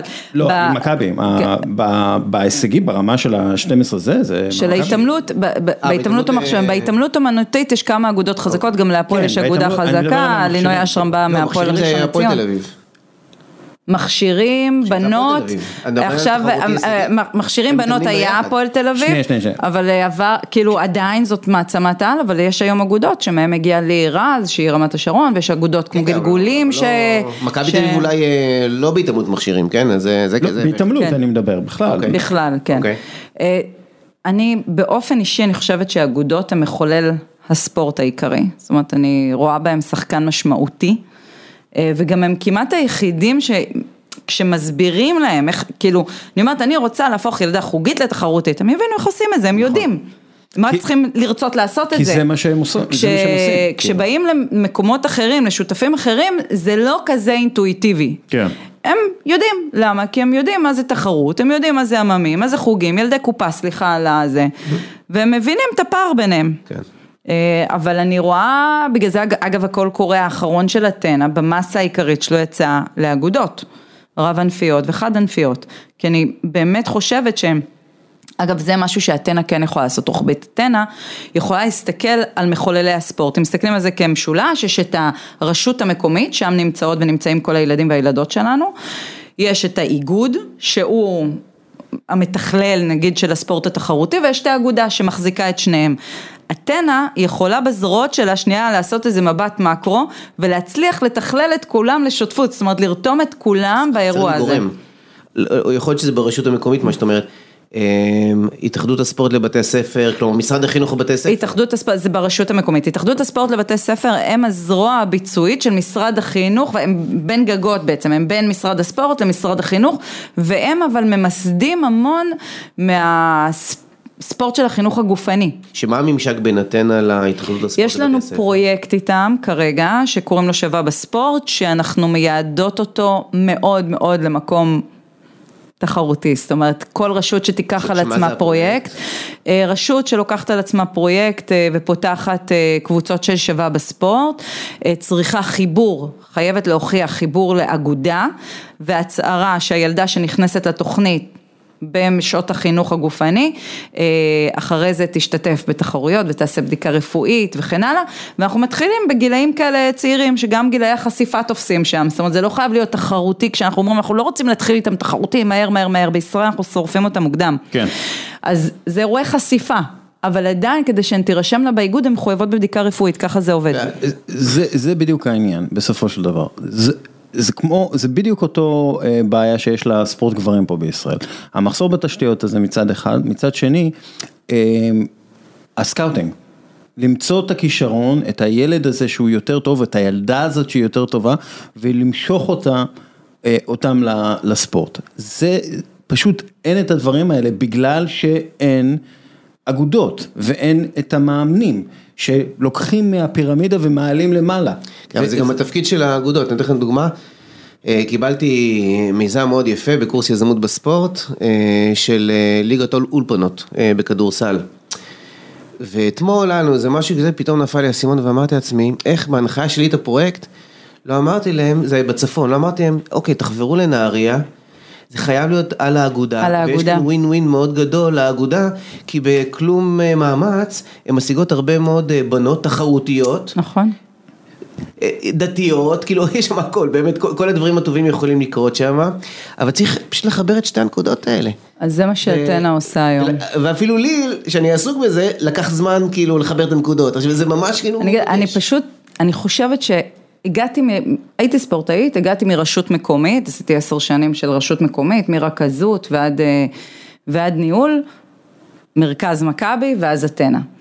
ואז הבנתי את הדבר הזה, שהרבה פעמים אנחנו, וגם המדינה גם מתקצבת, כל אחד בנפרד, כל אחד עובד בנפרד, אבל אין גורם שנייה מתכלל שיכול לעשות את השידוך הזה בין הרשות המקומית לאגודה הקולטת, לאיגוד, שהאיגוד יכיר שיש פרויקט כזה עכשיו בקריית גת, שהרשות, שהאגודה התחילה אותו ויעזור להם, יבוא ויגיד להם, מה אתם צריכים? אתם צריכים שנעזור? אתם צריכים לנסות להביא את הליגה קרוב אליכם גיאוגרפית שנייה? אתם רוצים, אולי נעשה תחרות אחת בעיר קרובה אליכם כדי שההסעות לא תהיינה כאלה יקרות. זאת אומרת, איזשהו... מנהלי אגודות, הרבה שאני מכיר, הם לא מבינים מספיק, הם, הם גם לא פנויים לזה. הם בכאן ועכשיו, ואני מאוד מתחבר למה שאתה אומר, צריך מישהו מהרשות המקומית שיפתח להם את העיניים זה- קצת, ויחבר את הנקודות. אז אנחנו כאילו צריך- מנסות לעשות זה כאילו את זה. אז אנחנו באתנה בטח, מנסות בטח. לעשות, לחבר את הנקודות. זה, זה כאילו צריך אה, משרד ממשלתי שמתמחה בספורט ויודע לקשר בין משרדים ולעבוד עם כמה משרדים בשביל תשתיות הספורט, זה כאילו, אני חושב. יש משרד אה, כזה, לא? אה, יש, יש, אה, כן. אה, אני רוצה להיות פיירית למשרד, לא, כי יש אנשים טובים במשרד. אנשים טובים אה, יש. ו- ואני חושבת שבאמת המשרד בש- בשנתיים האלה, ואיזושהי תנופה חברתית גם מאוד מאוד עם אחריות עצומה על הכתפיים, גם, ב, גם במקום שלי בסדר המגדרי, אבל גם ברמה של נגישות ושילוב, והלוואי, אתה יודע, כאילו אנחנו במציאות פוליטית כזאת, ש, שכל שנתיים רועדת האדמה תחת הרגליים שלנו, ואנחנו מנסים ככה לראות אם אפשר להמשיך את הדרך, או אי אפשר להמשיך את שנמצא הדרך. שם, נורית שהזכרת לפני כן, בדיוק, מדהימה. כאילו- אבל אני חושב שצריך קצת לעזור לאנשים בשטח, שזה בעיקר רשויות מקומיות אגודות, עם הקשר למשרד החינוך, ל- אה, ל- ל- להראות להם את הדברים. הם, הם כבר ידעו לעשות את החיבורים, צריך קצת, קצת לעזור להם, שיראו את ה... תשמע, עופר, הפוטנציאל. עופר בוסטן, ראש מנהל הספורט, הוא הגיע מהרשויות המקומיות, הוא מכיר, הוא יודע. עכשיו צריך, הוא- והוא מכיר את, ה, את הצורך הזה בחיבור. אה, אני אשמח שכל הדברים האלה בסוף הם יחלחלו למטה ויתחברו באמת, אבל הוא מכיר ויודע והוא איש תוכן אה, מדהים מהרשויות. בממשלה הבאה. יש דברים וואי, שהאינטגרציה תקשיב, נכונה. פולי אישיות, וואי וואי וואי, אני, אני ממש תולה המון תקוות בוועדה הזאת. אה, אם הייתם יכולים להיות זבוב על הקיר, אה, באמת, היא אישה מרשימה והאג'נדה שלה מאוד ברורה, וגם הנשים שמנהלות את הוועדות, ובעיניי זה תהליך מדהים שהתחיל. הלוואי והוא, איך אומרים, יגיע ל- לקו הגמר עם ביצוע. אוקיי, יש עוד איזה משהו? מנושא העל? אה, כיסינו פחות. אז, אז עכשיו החלק הצהוב, אה, שאלות קצרות, אה, תשובות קצרות. איך, תוכנית של חננות, הצהוב שלנו הוא כזה אפור. בסדר, אני מכינה את עצמי. אני, אני קורא לזה גיק אאוט. תן כמה, זה, נדבר. איך בוחרים אנשים לעבוד איתם? ערכיות. ערכיות, לויאליות וחריצות. אוקיי, מה, אבל את מגיעה מול מישהי ואיך את רואה שהיא חרוצה? תשמע, בסוף, באמת, יש איזה משהו שצריך להיות אינטואיטיבי בבטן, אנשים זה חיבורים. אה, לרוב אני אחפש, אחפ- אחפש את החיבור הזה, בסדר? את, המשהו הזה שאני יכולה, את ההוק הזה שאני יכולה להתחבר אליו ולהגיד אה, זאת אישה או זה איש שאני מאמינה שהוא ערכי ומוסרי וחרוץ, אני אוהבת אנשים משימתיים חרוצים וכמובן לויאלי מערכתית, לי, לויאלית, הלויאליות המערכתית חשובה. אפשר להוסיף עוד משהו? יאללה. בטח אפשר להוסיף הרבה, אבל לא, פשוט אני הקשבתי למה שאמרת, ולאור מה שאמרת והתפקיד של אתנה, החיבוריות הזאת, יכולת אנשים של חיבורים. האנשים שם, באתנה, לייצר את החיבורים. נכון, זה קריטי נשמע לי. אנשים של אנשים. כן. כן. איך יודעים שעושים עבודה גרועה? אה, וואו, אתה עלול למצוא את עצמך פתאום לבד, מסתכל איפה היו כל האנשים האלה שהיו איתי בתחילת הדרך. אה, אני חושבת שזה א' ב' של אנשים, זאת אומרת שאתה מוצא את עצמך פתאום אה, לבד, אז תשאל את עצמך איך הגעת למקום הזה, או את עצמך, איך הגעת לשם? היו את- איתך רגע אנשים, לאן הם נעלמו? תשאלי את עצמך אם את עושה עבודה גרועה בתחום הבין אישי וב... ובמטרות והיעדים, אני חושבת שמדידה, מדידה, מדידה, עכשיו אין עבודה גרועה, יש עבודה שצריך, אה, שצריך אה, לכוון אותה, צריך לראות שמגיעים, לה, שמיישמים את המטרות והיעדים, ואם אתה רואה שאתה באופליין אז תחזור, תחפש. לב- לבדוק את הראוטר. מה? לבדוק את הראוטר, אם אתה כן, offline. כאילו, אתה יודע, אה, תתחבר, תוציא. כן. אה, דברים שאת לא מוכנה להתפשר עליהם. זו שאלה ממש צהובה דרך אגב, זה אה. הכי- צהוב שלנו, זה... אה, דברים שאני, אה, על מוסר. מה זאת אומרת? בסוף אה, יש לי איזה center שהוא שלי ואני צריכה ללכת לישון אה, שקטה בלילה, ביני לבין עצמי. אה, וכל עוד אני מצליחה לעצום את העיניים ולישון ולהרגיש שלמה עם עצמי, גם אתה יודע, בדרך הולכים והרבה פעמים אתה מוצא את עצמך מתגמש או את עצמך מתגמשת והולכת ככה, כי בסוף צריך לנהל אינטרסים משותפים של כולם ואת מוצאת את עצמך מוותרת לפעמים על דברים שהם גם חשובים לך. אבל אם בסוף אני הולכת לישון בלילה ואני ישרה ביני לבין עצמי ואני יודעת שמה שהתפשרתי עליו הוא נכון והוא מוסרי והוא ערכי עבורי, אז אני, אז אני שקטה יותר. מורן ישינה ישר. אני לא אני של הפודקאסט שלנו. אני באלכסון במיטה.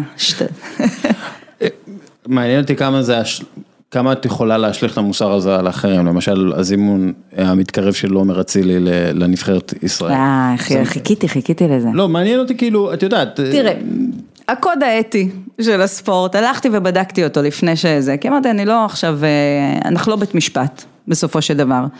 אה, אבל יש את הקוד האתי, ולדעתי איפשהו בסעיף 5 של משהו מדברים על הגינות בספורט ומוסר ועל אה, זה שספורטאי הוא דוגמה אישית.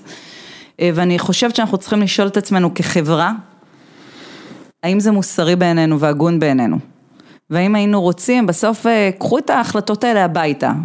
כל אחד מהם בשקט עם עצמו, שמגדל ילדה בבית שלו, וישאל את עצמו, האם זה מוסרי והגון? לא, זאת, זאת שאלה שאני לקחתי הביתה ואני ניהלתי את השיחה הזאת, הבן שלי מאוד אוהב כדורגל ומבחינתו הוא, אתה יודע, הדמויות האלה הם אורים ותומים וניהלנו שיחה אמיתית וערכית על הדבר הזה. לא האם הגלדיאטורים האלה שעולים על המגרש, אוקיי, ועיני ילדים וילדות נשואות אליהם, אה, האם המטרה מקדשת האמצעים? האם הניצחון של הנבחרת שווה זילות של הערכים שחברה קמה ומושתתת עליה? וזאת שאלה, איזה חברה אנחנו רוצים לגדל עבור הילדות שלנו בבית? זהו. אה, בוא נגיד שאורן חסון לא חושב ככה. אה, אני כן מעריך כ- כמה אנשים אה, בהתאחדות לכדורגל, ואני רוצה להאמין שלפחות השיח הזה עלה. אני, אני יכול להגיד לך בוודאות של 90 אחוז, 90 נקודה, איזה שיח של 90.2. מהו ערכי, מה הדוגמה, אתה תדייק, אני, בדיוק מה שאמרת, כן. שמה שאמרת, אני, אני, אה, אני אלון חזן לדוגמה, אני, אני, אני לא דיברתי איתו על זה, אני בטוח אבל שהוא שאל את עצמו את השאלות האלה, עכשיו, אני לא יודע מה, אני גם לא בא ושופט, אני, לא נמצא שם, מאוד מעניין אותי אם השיח הזה יתקיים, השיח הזה לא התקיים. כי הוא לא היה יכול להתקיים, לא היה יכול להיות מצב שאורן חסן יושב עם כל החבר'ה ואומר להם, אוקיי חברים, עומר אצילי, מה אתם, מה דעתכם עליו במדי נבחרת ישראל? כי אנשים, או שהיו אומרים, "אה, כן, סבבה, מה זה משנה, או שזה היה מתפתח לאיזשהו ריב או דיון רציני. זה לא התפתח לדיון רציני, כי כל מה שאורן חסון אמר בריאיון זה, הוא עבר את המבחן הפלילי, זהו, זה מה שמשנה. נכון. כל השאר לא משנה, לא היה דיון מוסרי, ערכי, זה, זה מילים גדולות מדי, לא, יאללה, כן, אנחנו לא יודעים. אה, עד כאן החלק הצהוב. אה, מקור המוטיבציה שלך. מקור המוטיבציה שלי, יש לי... אני רוצה להגיד את ה obvious ואני אגיד כאילו את מה שמלווה אותי זה. המקור המוטיבציה שלי בסופו של דבר, אה, הוא אם אני קמה בבוקר ואני מרגישה ש... שיש לי משמעות. זאת אומרת שמה שאנחנו, הזמן הזה עלי האדמה לפעמים הוא קצר, לפעמים הוא ארוך, שעשינו שינוי. שיש משהו, שיש טביעת אצבע שלנו על האירוע וניסינו להשאיר את העולם הזה. זה נשמע מאוד גדול ופומפוזי, אבל אני רוצה באמת להרגיש ש- שעשיתי משהו פה. זאת אומרת, לא העברתי עוד יום, לא עברתי עוד יום וחזרתי וזה. וה, ובסופו של דבר אני עושה את זה בשביל שני ילדים שנמצאים לי בבית, הם המקור מוטיבציה הכי גדול אה, שיכול להיות לי, בהתחשב בעובדה שאני רוצה להיות כזו שעושה שינוי עבורם. זה- אה, אגב, זה ב- שני בנים? בן ובת. והם אה, בספורט? הבן שלי כדורגל, כדורגל, כדורגל, והבת שלי, גיליתי ממש לאחרונה. שהיא מחביאה כישרון שירה מדהים. אה, עכשיו אני, ואני כל הזמן טוחנת לה, בוא ניקח אותך לכדורסל, בוא ניקח אותך לפה, בוא זה, כי אני בתוך העולם שלי, ופתאום מצאתי את עצמי מסתכלת ואומרת, בוא'נה, יש מצב שפספסתי את האירוע, כי אני מאוד, ומבחינתי הצטיינות, או מצוינות, בסדר, מצוינות זה מדד שהוא סובייקטיבי יותר והצטיינות הוא אובייקטיבי יותר. מצוינות גוררת גם הצטיינות במקומות אחרים, אז אם היא תמצא את הקול שלה, תרתי משמע, במקום הזה ותרגיש את הדבר הזה שהספורט עשה עבורי, זה סבבה לגמרי מבחינתי. אה, אבל היא באה איתי, לכל, לכל המשחקים היא הולכת איתי. כמה היא? היא בת עשר. שניהם מדהימים, מדהימים, מדהימים. אה, המלצה על ספר. אני לאחרונה, אני, אני האמת קוראת הרבה, יש לי ספרייה מטורפת בבית והספרים מפוזרים בכל הבית והילדים שלי ככה, אמ, אני שמחה שהם מושכים מדי פעם אה, גם ספר לקרוא. לאחרונה קראתי את, אה, אני קוראת את מהפכת, מהפכת הקשב של גודמן. וואו, אני ממש ממליצה, פתאום הוא הסיט את האור לדבר הזה שמדברים עליו, על המלחמה, על הקשב שלנו, כן. של התוכן, של איך שואבים אותנו לתוך הדבר הזה, ופתאום אתה מצ... מוצא את עצמך סתם על הפלאפון, מעביר, כאילו בפיד, בזה, איך נלחמים על הקשב שלנו, וכמה הוא יקר, הקשב שלנו הוא יקר. הקשבתם? ו- שמעתם? בדיוק, ו- וכדאי שננצל אותו לתוכן אה, שמזין אותנו. אז, אה, זה- טוב? אה, אני מקווה שכן. ו- וזה מביא אותנו לשאלה האחרונה, עצה אחת לחיים. שזה לא. עצה אחת לחיים, וואו, זה כאילו, קצת קטונתי, אבל אה, אני אקח את זה חזרה לשאלה שלך על קעקוע. בסדר, בסוף החיים מאוד מאוד דינמיים. ויום אחד את יכולה למצוא את עצמך פה, ויום אחד במקום אחר, ולפעמים השינויים באים מבפנים, ולפעמים באים מבחוץ, ולפעמים בשליטה שלנו ולא בשליטה שלנו. אה, ככל החלומות שנד... ולא כל... אני אגב את החלום שלי הג- הגשמתי.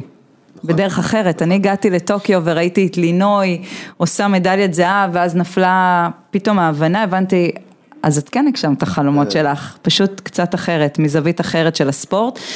אה, והנה זה, זה סוג של שינוי, בסופו של דבר אם אנחנו יודעות להתארגן סביב שינוי, תוך כדי תחושה חזקה מאוד שאין משהו שאת לא יכולה לעשות, אה, ושפחד לא מנהל אותך, הוא גורם מניע, אגב לפעמים מספר אחת בחיים, אז זה, זה בגדול, אם אפשר לארגן את זה לאיזושהי תשובה, לא לפחד משינויים, להאמין שאת יכולה, זה בגדול.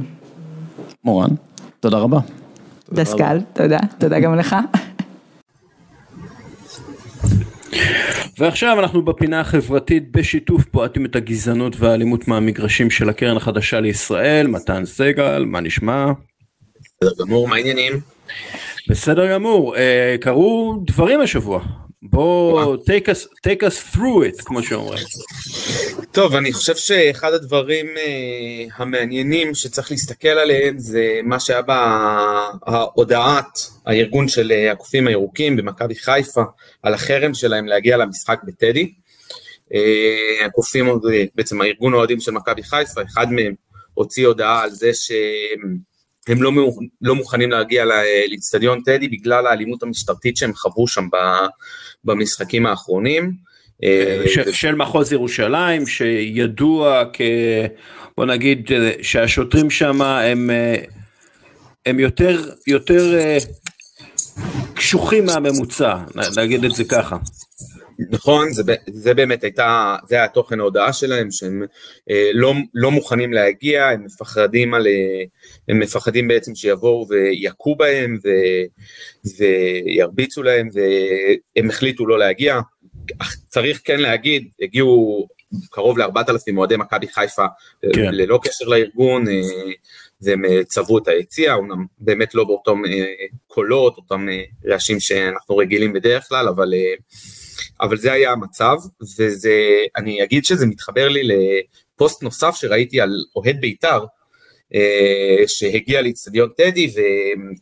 אה, במשחק הדרבי והוא ראה חבר'ה של אה, מפלגת הליכוד שבאו ובאו וניסו לעודד אנשים להצביע והוא התחיל לצעוק עליהם, קצת לקלל אותם על זה שהמפלגה לא עזרה לבית"ר בשעות הקשות והוא מספר שאחד פתאום הוא הרגיש איזושהי מכה על ה... מאחורי הגב, והוא ראה שוטר שפשוט התחיל להרביץ לו, וזה הסתיים בזה שהוא במעצר.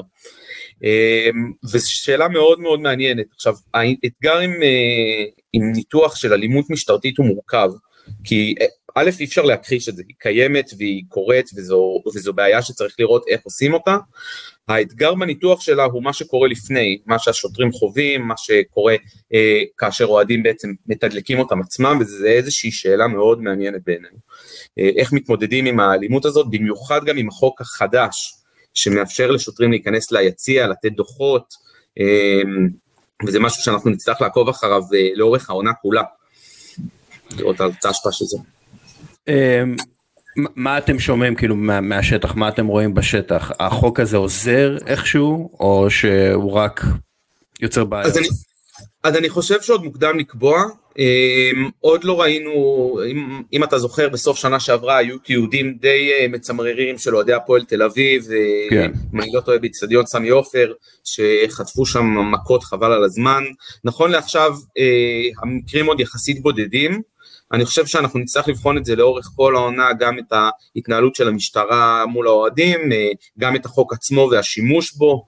אה, עד היום, אה, אם אני לא טועה, נכנס, נכנסו פעם אחת או פעמיים מתחילת העונה שוטרים ליציע. כי קודם סדרנים מגיעים כדי לנסות להרגיע מהומות, ורק אחר כך שוטרים נכנסו. לא שמענו על זה איזה שהם דיווחים אה, נרחבים על אלימות מוגזמת, אבל זה משהו שנצטרך מאוד לעקוב אחריו, במיוחד שהעונה תיכנס והעצבים יתחילו קצת לדבר יותר גם בקרב האוהדים. כן, אה, אנחנו בכלל, אם כבר עסקנו במכבי חיפה, יש עניינים אה, נוספים שם, אם אתה יכול קצת להסביר על מה שקורה אה, במכבי חיפה עם הקופים הירוקים וכולי. נכון, אז uh, מה שקורה במכבי חיפה בעצם היה משחק מול פריס סן ג'רמן, הוא מאוד מאוד מעניין. Um, דבר ראשון, ההודעה של ארגון הקופים לפני המשחק שלהם בליגת האלופות, שהם הוציאו uh, הודעה שבה הם אמרו, מי שלא אוהד מכבי חיפה, שלא יגיע לאיצטדיון, אנחנו נגלה אפס סובלנות כלפי הדבר הזה, שזה איום מפורש והוא uh, קצת... Uh, מעלה את התהיות מה הארגון חושב אה, שהכוח שלו והיכולת שלו, בסופו של דבר מדובר בארגון אוהדים, אין לו איזה, הוא לא גוף סמכותי, ולאיים על אנשים לבוא לראות משחק כדורגל אם הם קנו כרטיס, זה נראה, נראה לי משהו שהוא קצת אה, חורג מפרופורציות, ובאמת, כן. שבוע אחרי זה הם אה, מוציאים את ההודעה על האי רצון שלהם להגיע לטדי בגלל אלימות משטרתית, וה... חדשה בעצם הטריה ביותר שהתרחשה ממש אתמול בערב והיום אה, מכה גלים, זה הידיעות על זה שכמה אוהדי הפועל חיפה פרצו למחסנים של ארגוני האוהדים של מכבי חיפה, גנבו משם ציוד עידוד, גנבו להם את השלטי פריסה, הם פרסמו סרטון שהם חושפים בעצם את כל הציוד הגנוב, ואנחנו רואים שכבר מתחיל ברשתות המון איומים איומים מצד אה, מכבי חיפה שהדבר הזה לא יעבור בשתיקה, אה, ממש נשלחה כרזה בעיניי מאוד מאוד אלימה של uh, תמונה של רובי שפירא, זכרו לברכה, עם מכוון אקדח לרקה, ו, וכתוב בה בעצם שהתכונן לקבל חברים חדשים, שזה, אני לא יודע כן. איך לנסח את זה אחרת חוץ מאיום ברצח. כן, ושוב, הדברים האלה, אותי מעניין, ואני די בטוח שזה לא קורה, המשטרה עוקבת אחרי הדברים האלה. כלומר, יש פה, יש פה ארגונים, ארגונים שמאיימים באלימות. אמ, זה, זה די משהו שהמשטרה צריכה לעקוב אחריו ולבדוק, ודרך אגב, גם לפעול נגד דברים כאלה. אנחנו בכלל יודעים אם המשטרה אה, עוקבת אחרי פרסומים באינטרנט, או שהיא פשוט מחכה ליום שבו אפשר לסגור את האינטרנט לכולם, כמו שהמפכ"ל הגאון אמר. כן, אה, אז אה, אני מאמין שאולי הם יכוונו יותר לסגירת האינטרנט, אבל אה, עכשיו ברצינות, אני מאמין שכן, אני מעריך שהם כן, אבל זה לא מספיק, זה לא מספיק ואנחנו מדברים על זה כבר תקופה די ארוכה. על העובדה שכל היום אוהבים לדבר על איך אנחנו מונעים את זה, מונעים אלימות כן. נשים וגזענות ביציעים ובואו נחכה את החוק האנגלי וניקח ממנו את ההתאמות הרלוונטיות לישראל ובסופו של דבר הדבר הזה עם כל הכותרות וכל ה... אה, וכל הפומפוזיות של אנחנו רוצים להיאבק בזה, זה עולה כסף. ומשטרת ישראל פשוט צריכה להשקיע את המשאבים האלה, בין אם זה אה, המשאבים הקיימים שלה, או בין אם היא צריכה לדרוש משאבים נוספים, ולקיים חקירות. בן אדם שמביא אבוקה ליציע, הוא השיג אותה מאיפשהו. אפשר כן. לעקוב אחרי הדבר הזה. אה, אוהדים שמתכוננים להתכנס כדי ללכת, ללכת להרביץ לאוהד אחר, אפשר לעקוב אחרי הדברים האלה. אה, אה, באחד המשחקים בגביע הטוטו בין הפועל תל אביב לביתר ירושלים, אה, נצפו אוהדי הפועל תל אביב ורואים אוהד ביתר לפני המשחק וזורקים אבנים על הרכב שלו, השמשה כן. התנוצה. סביר להניח שיש מצלמות באזור, כולל הצילום עצמו של הסרטון. למה אין עצורים? למה לא עושים את הדברים האלה? ואלה דברים שפשוט המשטרה צריכה להגיד, אנחנו נכנסים לזה בכל הכוח. במקום זה המשטרה אומרת אנחנו ניכנס ביציע כשנראה איזה מישהו מרים את האצבע בצורה מסוכנת כן? כאילו זה זה בערך ה... במקום לעשות עבודה מודיעינית עבודה אה, של אה, אה, חקירות אה, למצוא את הפושעים אה, מעדיפים במשטרה מעין עונש קולקטיבי כזה. דרך אגב קצת כמו הקבוצות אה, וההתאחדות לכדורגל. שאלה מה מה מכבי חיפה צריכה לעשות? למשל בנושא של כרזה כזאת אה, כמו אה, שראינו אה, על אה, רובי שפירא, מה, מה מכבי חיפה צריכה לעשות? זה, זה שאלה מצוינת, כי אם אני אקח אה, את הדוגמה של ההחלטה של אוהדי מכבי חיפה על אה, אי ההגעה לטדי, המועדון בתחילת הדרך תמך בהם. הוא הוציא כן. הודעה שהוא לא הולך לפרסם את uh, מכירת הכרטיסים כי הוא תומך בקהל ואז לאחר מכן uh, הפועל ירושלים התערבה uh, מול, uh, מול משטרת ירושלים והם uh, אמרו שהם ינסו לשמור על סביבה סטרילית ומבחינת המועדון זה היה בסדר והארגון הקופים הוציא הודעה שהוא לא מקבל את זה שהוא הרגיש שהמועדון בגד בהם זאת אומרת יש פה uh, המאבק בין ארגוני אוהדים לבין הקבוצות הוא מאבק שהוא קיים לא מעט פעמים, והרבה פעמים ארגוני האוהדים מרגישים שארגון האוהדים הוא לפעמים מעל הקבוצה, והארגון הוא חשוב יותר והוא המהות. זה לא אמור להיות ככה, זה אמור להיות בס, זה בסינרגיה. אני חושב שלמכבי חיפה יש הרבה עבודה, הם צריכים לשבת עכשיו עם הארגונים שלהם ולדבר איתם ולהגיד להם, חברים, הקבוצה שלנו מצליחה, יש לנו עונה מדהימה, אנחנו נמצאים ב... במפעל היוקרתי ביותר אה, בעולם, בואו נזכור את הדברים החיוביים, וגם אפשר לראות את זה, אפשר להסתכל בתגובות על הרבה אוהדים שמדברים על זה שנכון, אפשר להפסיד, נכון, קורים דברים כאלה. והם צריכים אבל להוציא איזושהי הודעה מהותית שאומרת, חברים בואו נרגיע את הרוחות. אני כרגע עוד לא ראיתי הודעה כזאת של המועדון.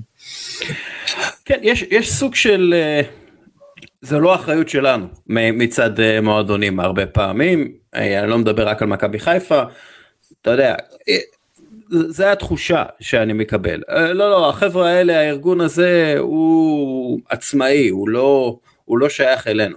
ו, ולמועדונים יש פה הרבה כוח בעצם, הם יכולים כן להגיד חבר'ה אנחנו רוצים שיתוף פעולה איתכם הנה תקבלו ככה וככה וככה בשביל השיתוף פעולה הזה אבל בואו תעשו ככה וככה או אל תעשו ככה וככה כלומר צריך צריך את הקשר הזה כל הזמן. נכון נכון וזה ואני אוסיף על זה זה גם תחום מאוד אפור כי ראינו בית"ר ירושלים לדוגמה זה דוגמה מצוינת שבתקופה ש... אה, בתקופת השפל הגדול שלה פמיליה ממש שיתקו שם את היציעים ראינו הרבה פעמים אה, את הרצון של האוהדים לפגוע במכוון בקבוצה, זאת אומרת אנחנו גם יודעים את זה, יש אה, ארגוני אוהדים שאם יש להם ריב עם הבעלים של המועדון, הם בכוונה ישירו שירים גזעניים, הם כן. בכוונה אה, יזרקו חפצים כדי שיקבל קנסות, זאת אומרת, אז יש את התסריט הזה, מכבי חיפה המצב לא שם, המצב הוא שהמועדון יודע לדבר עם הארגוני אוהדים שלו, נכון, אנחנו גם קצת מורידים אה, אנחנו לא מספיק גם מדברים על הפעילות עצמה של אוהדי הפועל חיפה, שזה באופן כללי די הזוי שהם אה, החליטו לפרוץ, כי הם בעצמם גם עשו פשע. וגם שם אה, צריך לתת את הדין וצריך לדבר עם הארגוני האוהדים. אמ, והאמת שזה בדיוק שתי הדוגמאות ההפוכות, כי בעוד במכבי חיפה יש תקשורת טובה עם הארגונים ואפשר להגיד להם, חברים הם עשו משהו לא בסדר, בואו נטפל בזה בצורה חוקית ונתמודד עם זה, והפועל חיפה האוהדים לא, ב, לא ביחסים הכי טובים עם אה, בעלי המועדון ויש לזה גם השלכות נוספות. אגב, אה, רק אתה יודע, שאלה טכנית, קציני קשר בכל ארגון אוהדים עם המועדון, קציני קשר נבחרים אה, על ידי האוהדים, זה משהו שדיברו עליו ומדברים עליו הרבה פעמים, יש אותו באירופה עובד תלוי איפה, טוב או, או פחות טוב, אבל זה, זה משהו שאתה יודע אם קורה או לא קורה? אני יודע שבחלק מהמועדונים יש תקשורת ישירה בין ארגוני האוהדים, שיש להם את הנציג שלהם שעובד מול, מול המועדון עצמו. אני לא בטוח שזה קורה בכל המועדונים, צריך לזכור, אה, אם אנחנו מסתכלים על, אה, צריך, אמנם אנחנו מדברים על ליגת העל, אבל יש גם קבוצות אה, עם קהל גדול גם בליגה הלאומית, אני מתאר לעצמי שבחלק מהמקרים הדבר הזה קיים, זה לא מספיק ממוסד בעיניי, זאת אומרת השיח הוא צריך להיות כל הזמן על השולחן, זה איזשהו מקום של אוקיי, עם מי אתם רוצים לדבר, אני מכיר אותו, חבר מביא חבר, ואז אה, מקשרים את הגופים האלה. ככל כן. שזה יהיה ממוסד יותר, ככה זה יעבוד בצורה הרבה הרבה יותר טובה. טוב, אה, עם המסר הזה אנחנו נסיים, תודה רבה מתן. תודה רבה, ונקווה לבשורות טובות ושבאמת האירוע הזה לא יתגלגל אה, למחוזות אה, מדאיגים. מה שנקרא chill, guys. לגמרי. יאללה, ביי. יאללה, ביי ביי. עידו מינקובסקי. דסקל, מהיום אמור, עידו מינקובסקי, יו"ר ובעלים מינקובסקי Record, לייבל מוזיקה שמתחיל לפעול היום. לא להתייחס אליי יותר כיחצן אחד האדם, אחי. מהיום, ג'ימי מינקובסקי אייבין. אתה בעצם עכשיו... עידו, אה, עידו גואטה. אתה music executive, כמו שאומרים. מה, קורפורייט שיט, אחי, ממש, ממש. הולך לחנוק את עולם התרבות ולרושקן אותו מכסף תמורת חשיפה. מדהים. מדהים. אה, מדהים. איך אומרים? אה, או לפחות אנסה. אה, אתה הולך לייצג גם מוזיקאים? ככה. ביחס כפי שאתה יודע אנחנו עושים זאת. אבל אנחנו הולכים לייצג אומנים גם מבחינה אומנותית, ניהולית, והכי חשוב, בוא אני אגלה סוד למאות מיליוני המאזינים, בעלות על המאסטרים. ואז כולם יכולים לעשות מה שהם רוצים. אני רק רוצה את המאסטר. כל חתונה 30 שקל השמעה, אח שלי, מה קורה? באמת? אני נכנס חזק מאוד עכשיו, ואתה לא מאמין מה הולך שם, מה הולך שם. וחוץ מרוברטו, עוד לא מצאתי מישהו שמבין את העסק. אז אתה בעצם אומר לי שאתה עובר מניהול יח"צ כזה, אתה יודע... לא, חס וחלילה, אני יחצן. מה אה, פתאום, אוקיי, זה התרחבות ימינה ושמאלה. אני יחצן, עידו היחצן. אז, אז, אתה, אז אתה בעצם, אה, אה, איך קוראים לזה, נו, אה, לא. חתמתי שיתוף פעולה עם מפיק על בשם עומרי סגל 69, שאם לא היית בן 100 היית יודע מי הוא. אה, וזהו, זה מה שרציתי להגיד, אם לא היית בן 100, היית יודע מהו, יכלנו להתחיל ולסיים את השיחה ככה. אה, נכון, ו-69 זה טוב. למה 69? אה, כי אולי כשהוא היה בן 12 הוא חשב שזה מג- מגניב, אבל הלוגו המוזיקלי שלו, בתחילת כל שיר, כל כך תפס, כן, שזה... כמו ש-DJ קלד, אז יש לו גם כזה. What's your favorite number? Mine is 69. אז זהו. אה, כמו שאני בחיים לא הייתי קורא מינקובסקי לעסק שלי, אני מעריך שגם הוא לא היה קורא לעצמו 69, אבל זה קרה. שני מוכי הגורל הקריאיטיביים נפגשו יחדיו הם, באמצע היקום. אמ, אתה, אתה בעצם עכשיו מסכם שנה, חתיכת שנה הייתה לך, לא? שמע, לא רק לי, אבל אה, אה, השלוש שנים האחרונות הוציאו אותי מהיכולת לחשוב שאני אפילו יכול לנחש מה העתיד לבוא.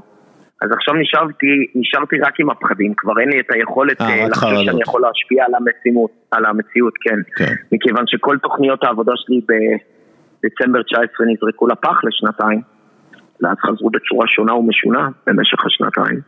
עכשיו אנחנו חווים את הפוסט קורונה, שאגב, אה, באופן מוזר מתאפיינת בעסק שלי בהתייצבות והתכנסות הוורטיקל, לא התרחבות. דווקא בקורונה we skied high, כי לא היה דרך לתקשר אל אנשים אלא עם פרסום בתקשורת.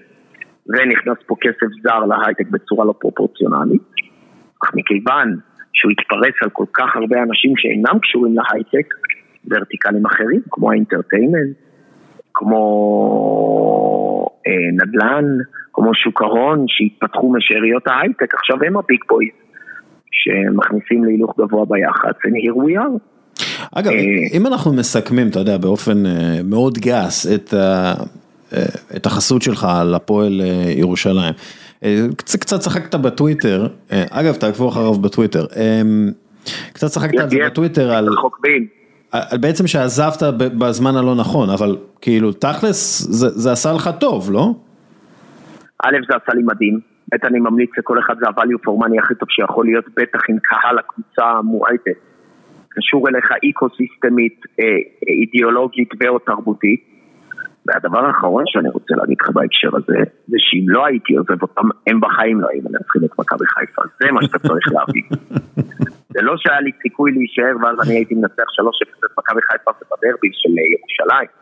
זה מכיוון שמינקובסקי תקשורת יודעת לתמוך רק בקבוצות טרק, עתידם לפניהם של הפועל ירושלים לרגע עזיבתי. אגב, אני נשארתי בחסות קטנה, אם תשים לב על הבילבורדים וברעיונות של זיו אריה אחרי המשחקים, הכל מינקובסקי תקשורת למעלה. אה, אז אתה, כאילו, אתה עדיין שם, ניצחת את מכבי חיפה. אחלה שרצקי, אחלה שרצקי, הוא גם מכיר ומוקיר, הוא יודע שחסות לעסק שהוא בסוף ייעוץ HRי של בן אדם, זה לא פשוט. זאת אומרת, תחשוב שהכסף הזה, גם אם הוא נותן value מדהים, זה לא שזה small change. לא, גם אם אתם כן. חושבים המחיר הכי נמוך שאתם יכולים לתאר והוא לא, הוא עדיין כסף אה, כבד משקל, זאת אומרת, עדיין הוא יכול לקנות דירה קטנה. אגב, אתה חושב, סתם באופן כללי, על אה, חסויות, כ... אני יודע שאתה, מן הסתם אתה, אתה יודע, אתה נותן פה חסות, אבל אה, חסות ככלי אה, שיווקי, זה, זה משהו אה, שאתה חושב עליו עכשיו יותר, בגלל ההצלחה אה, בהפועל ירושלים? א', אתה, you popped my cherry. אה, אתה היית הראשון, מה שנקרא, בפעם הראשונה. אתה לא, אתה לא החיפאי הראשון ש... לא משנה, כן. אה. בדיוק, I'm not the only חיפאי popped his cherry. זה זוכר אותך לכל החיים, ועכשיו איך זוכר אותך זה כבר סובייקטיבי. אה, זה קשור לעוד מדדים שאינם קשורים רק ל-ROI ב data analytics. If you know what I mean. אז כן, אהה, 69. אני מסתכל את זה מאוד לטובה, אני שמח שלקחתי את הצעד הזה, הצעד הזה עשה לי הרבה יותר מה שזה יעשה למשל לחברת B2C שרוצה להיחשף אה, בכמות ולא באיכות, כן. מבחינת איכות זה עשה לי שלוש משלוש ממה שתכננתי, ממש, וזה, וזה ממש, כלומר, היה כיף. לחסות יש ערך שונה לחלוטין, ונותנת לך ערך שונה לחלוטין- לחלוטין מאשר פרסום. ש, שזה אני כאילו, אגיד לך למה, א', גילוי הנאות הוא 100% מהזמן קיים, מכיוון שאתה על החולצה שלהם. ב', אה, הקוניונקטורות של אנשים שלא שיחקו נגד הפועל ירושלים, או שאוהדי הפועל ירושלים, שמדובר בעשרת אלפים מאוד ממוקדים בעסק שלי, זאת אומרת אם אני רוצה פר קבוצת כדורגל זה או הפועל תל אביב, או בית"ר ירושלים, או מכבי תל אביב, או הפועל ירושלים, תאמין או לא. כן. מכיוון שאני עוסק בתקשורת, בשווקים אה, חופשיים, בוא נגיד ככה, אז אה, שלושת הקבוצות האלה, שניים הראשונות יש להם הכי הרבה אוהדים, ושתי קבוצות הפועל הם עם הכי הרבה אנשי תקשורת בחובם. כן. המשוואה הזאת, value for money, נפלה על הפועל ירושלים, כי האחרים לא היו אופציונליים. אז אני מעדיף לאכול שאריות של משלן, מאשר ארוחת שינה של בורגראנץ'. אין- טוב, אין- תרשום את זה. אה, זה- יהיה בשיר הבא. ואתה יכול לקבל גם חסות, אתה יכול לקבל. חסות מבורגראנץ' על דבר כזה.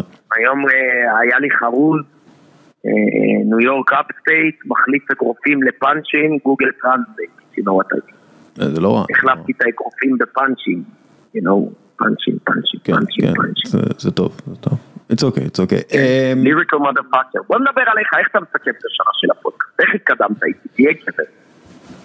אני, תסתכל אני, לי, רגע. תראה, אני מבסוט מזה, אמ, אה, לא אכפת לי מהמאזינים, אמ, אני מבסוט, אתה יודע, אנחנו מדברים, זה כיף. כן. אמ, זהו, מה, אתה לא סוגר את הפודקאסט?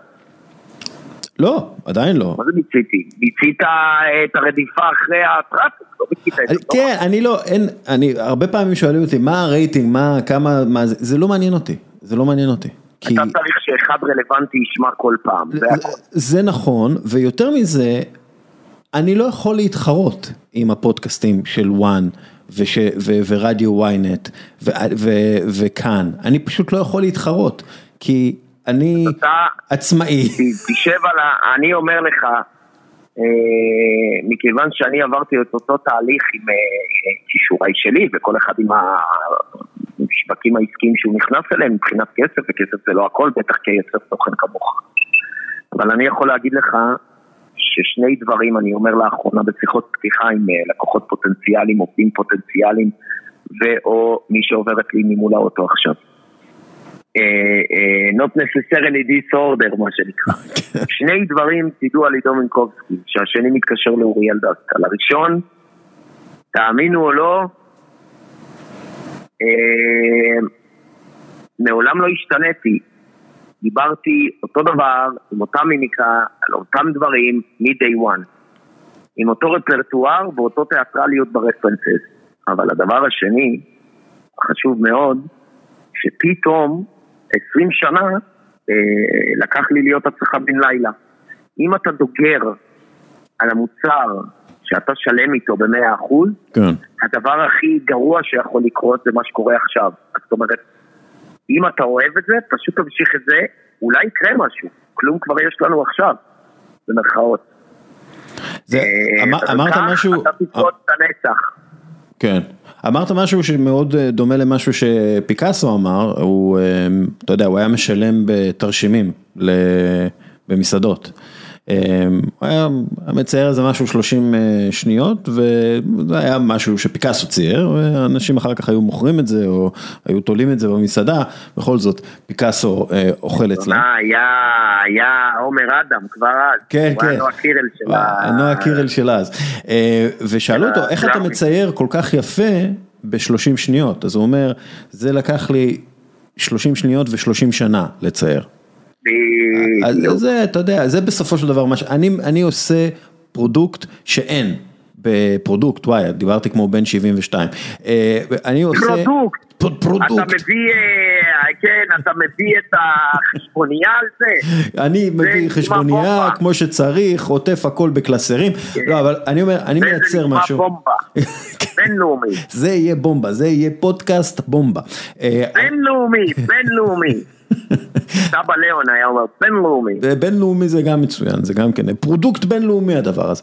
אז אני עושה משהו אה, כדי, משהו שאין, משהו שאין בשום מקום אחר, כי אה, אח שלי, אתה תהיה הארכיונים שיבואו יום אחד החייזרים בעזרת השם ויעיפו את כולנו אלף אלפי עשרה לאיפה אנחנו מגיע לנו להיות וכשהם ינברו בארכיון האנושי אתה תהיה the one who made it after his death. אתה יודע מה? רוב האנשים גם זה לא מגיעים, יאללה תסתפק, אח שלי, הכל טוב. אני לגמרי, אני סבבה. אה, שנה טובה. שנה טובה דסקל, איזה כיף לדבר איתך, כרגיל, עליי. אה, אני אוהב אותך הרבה.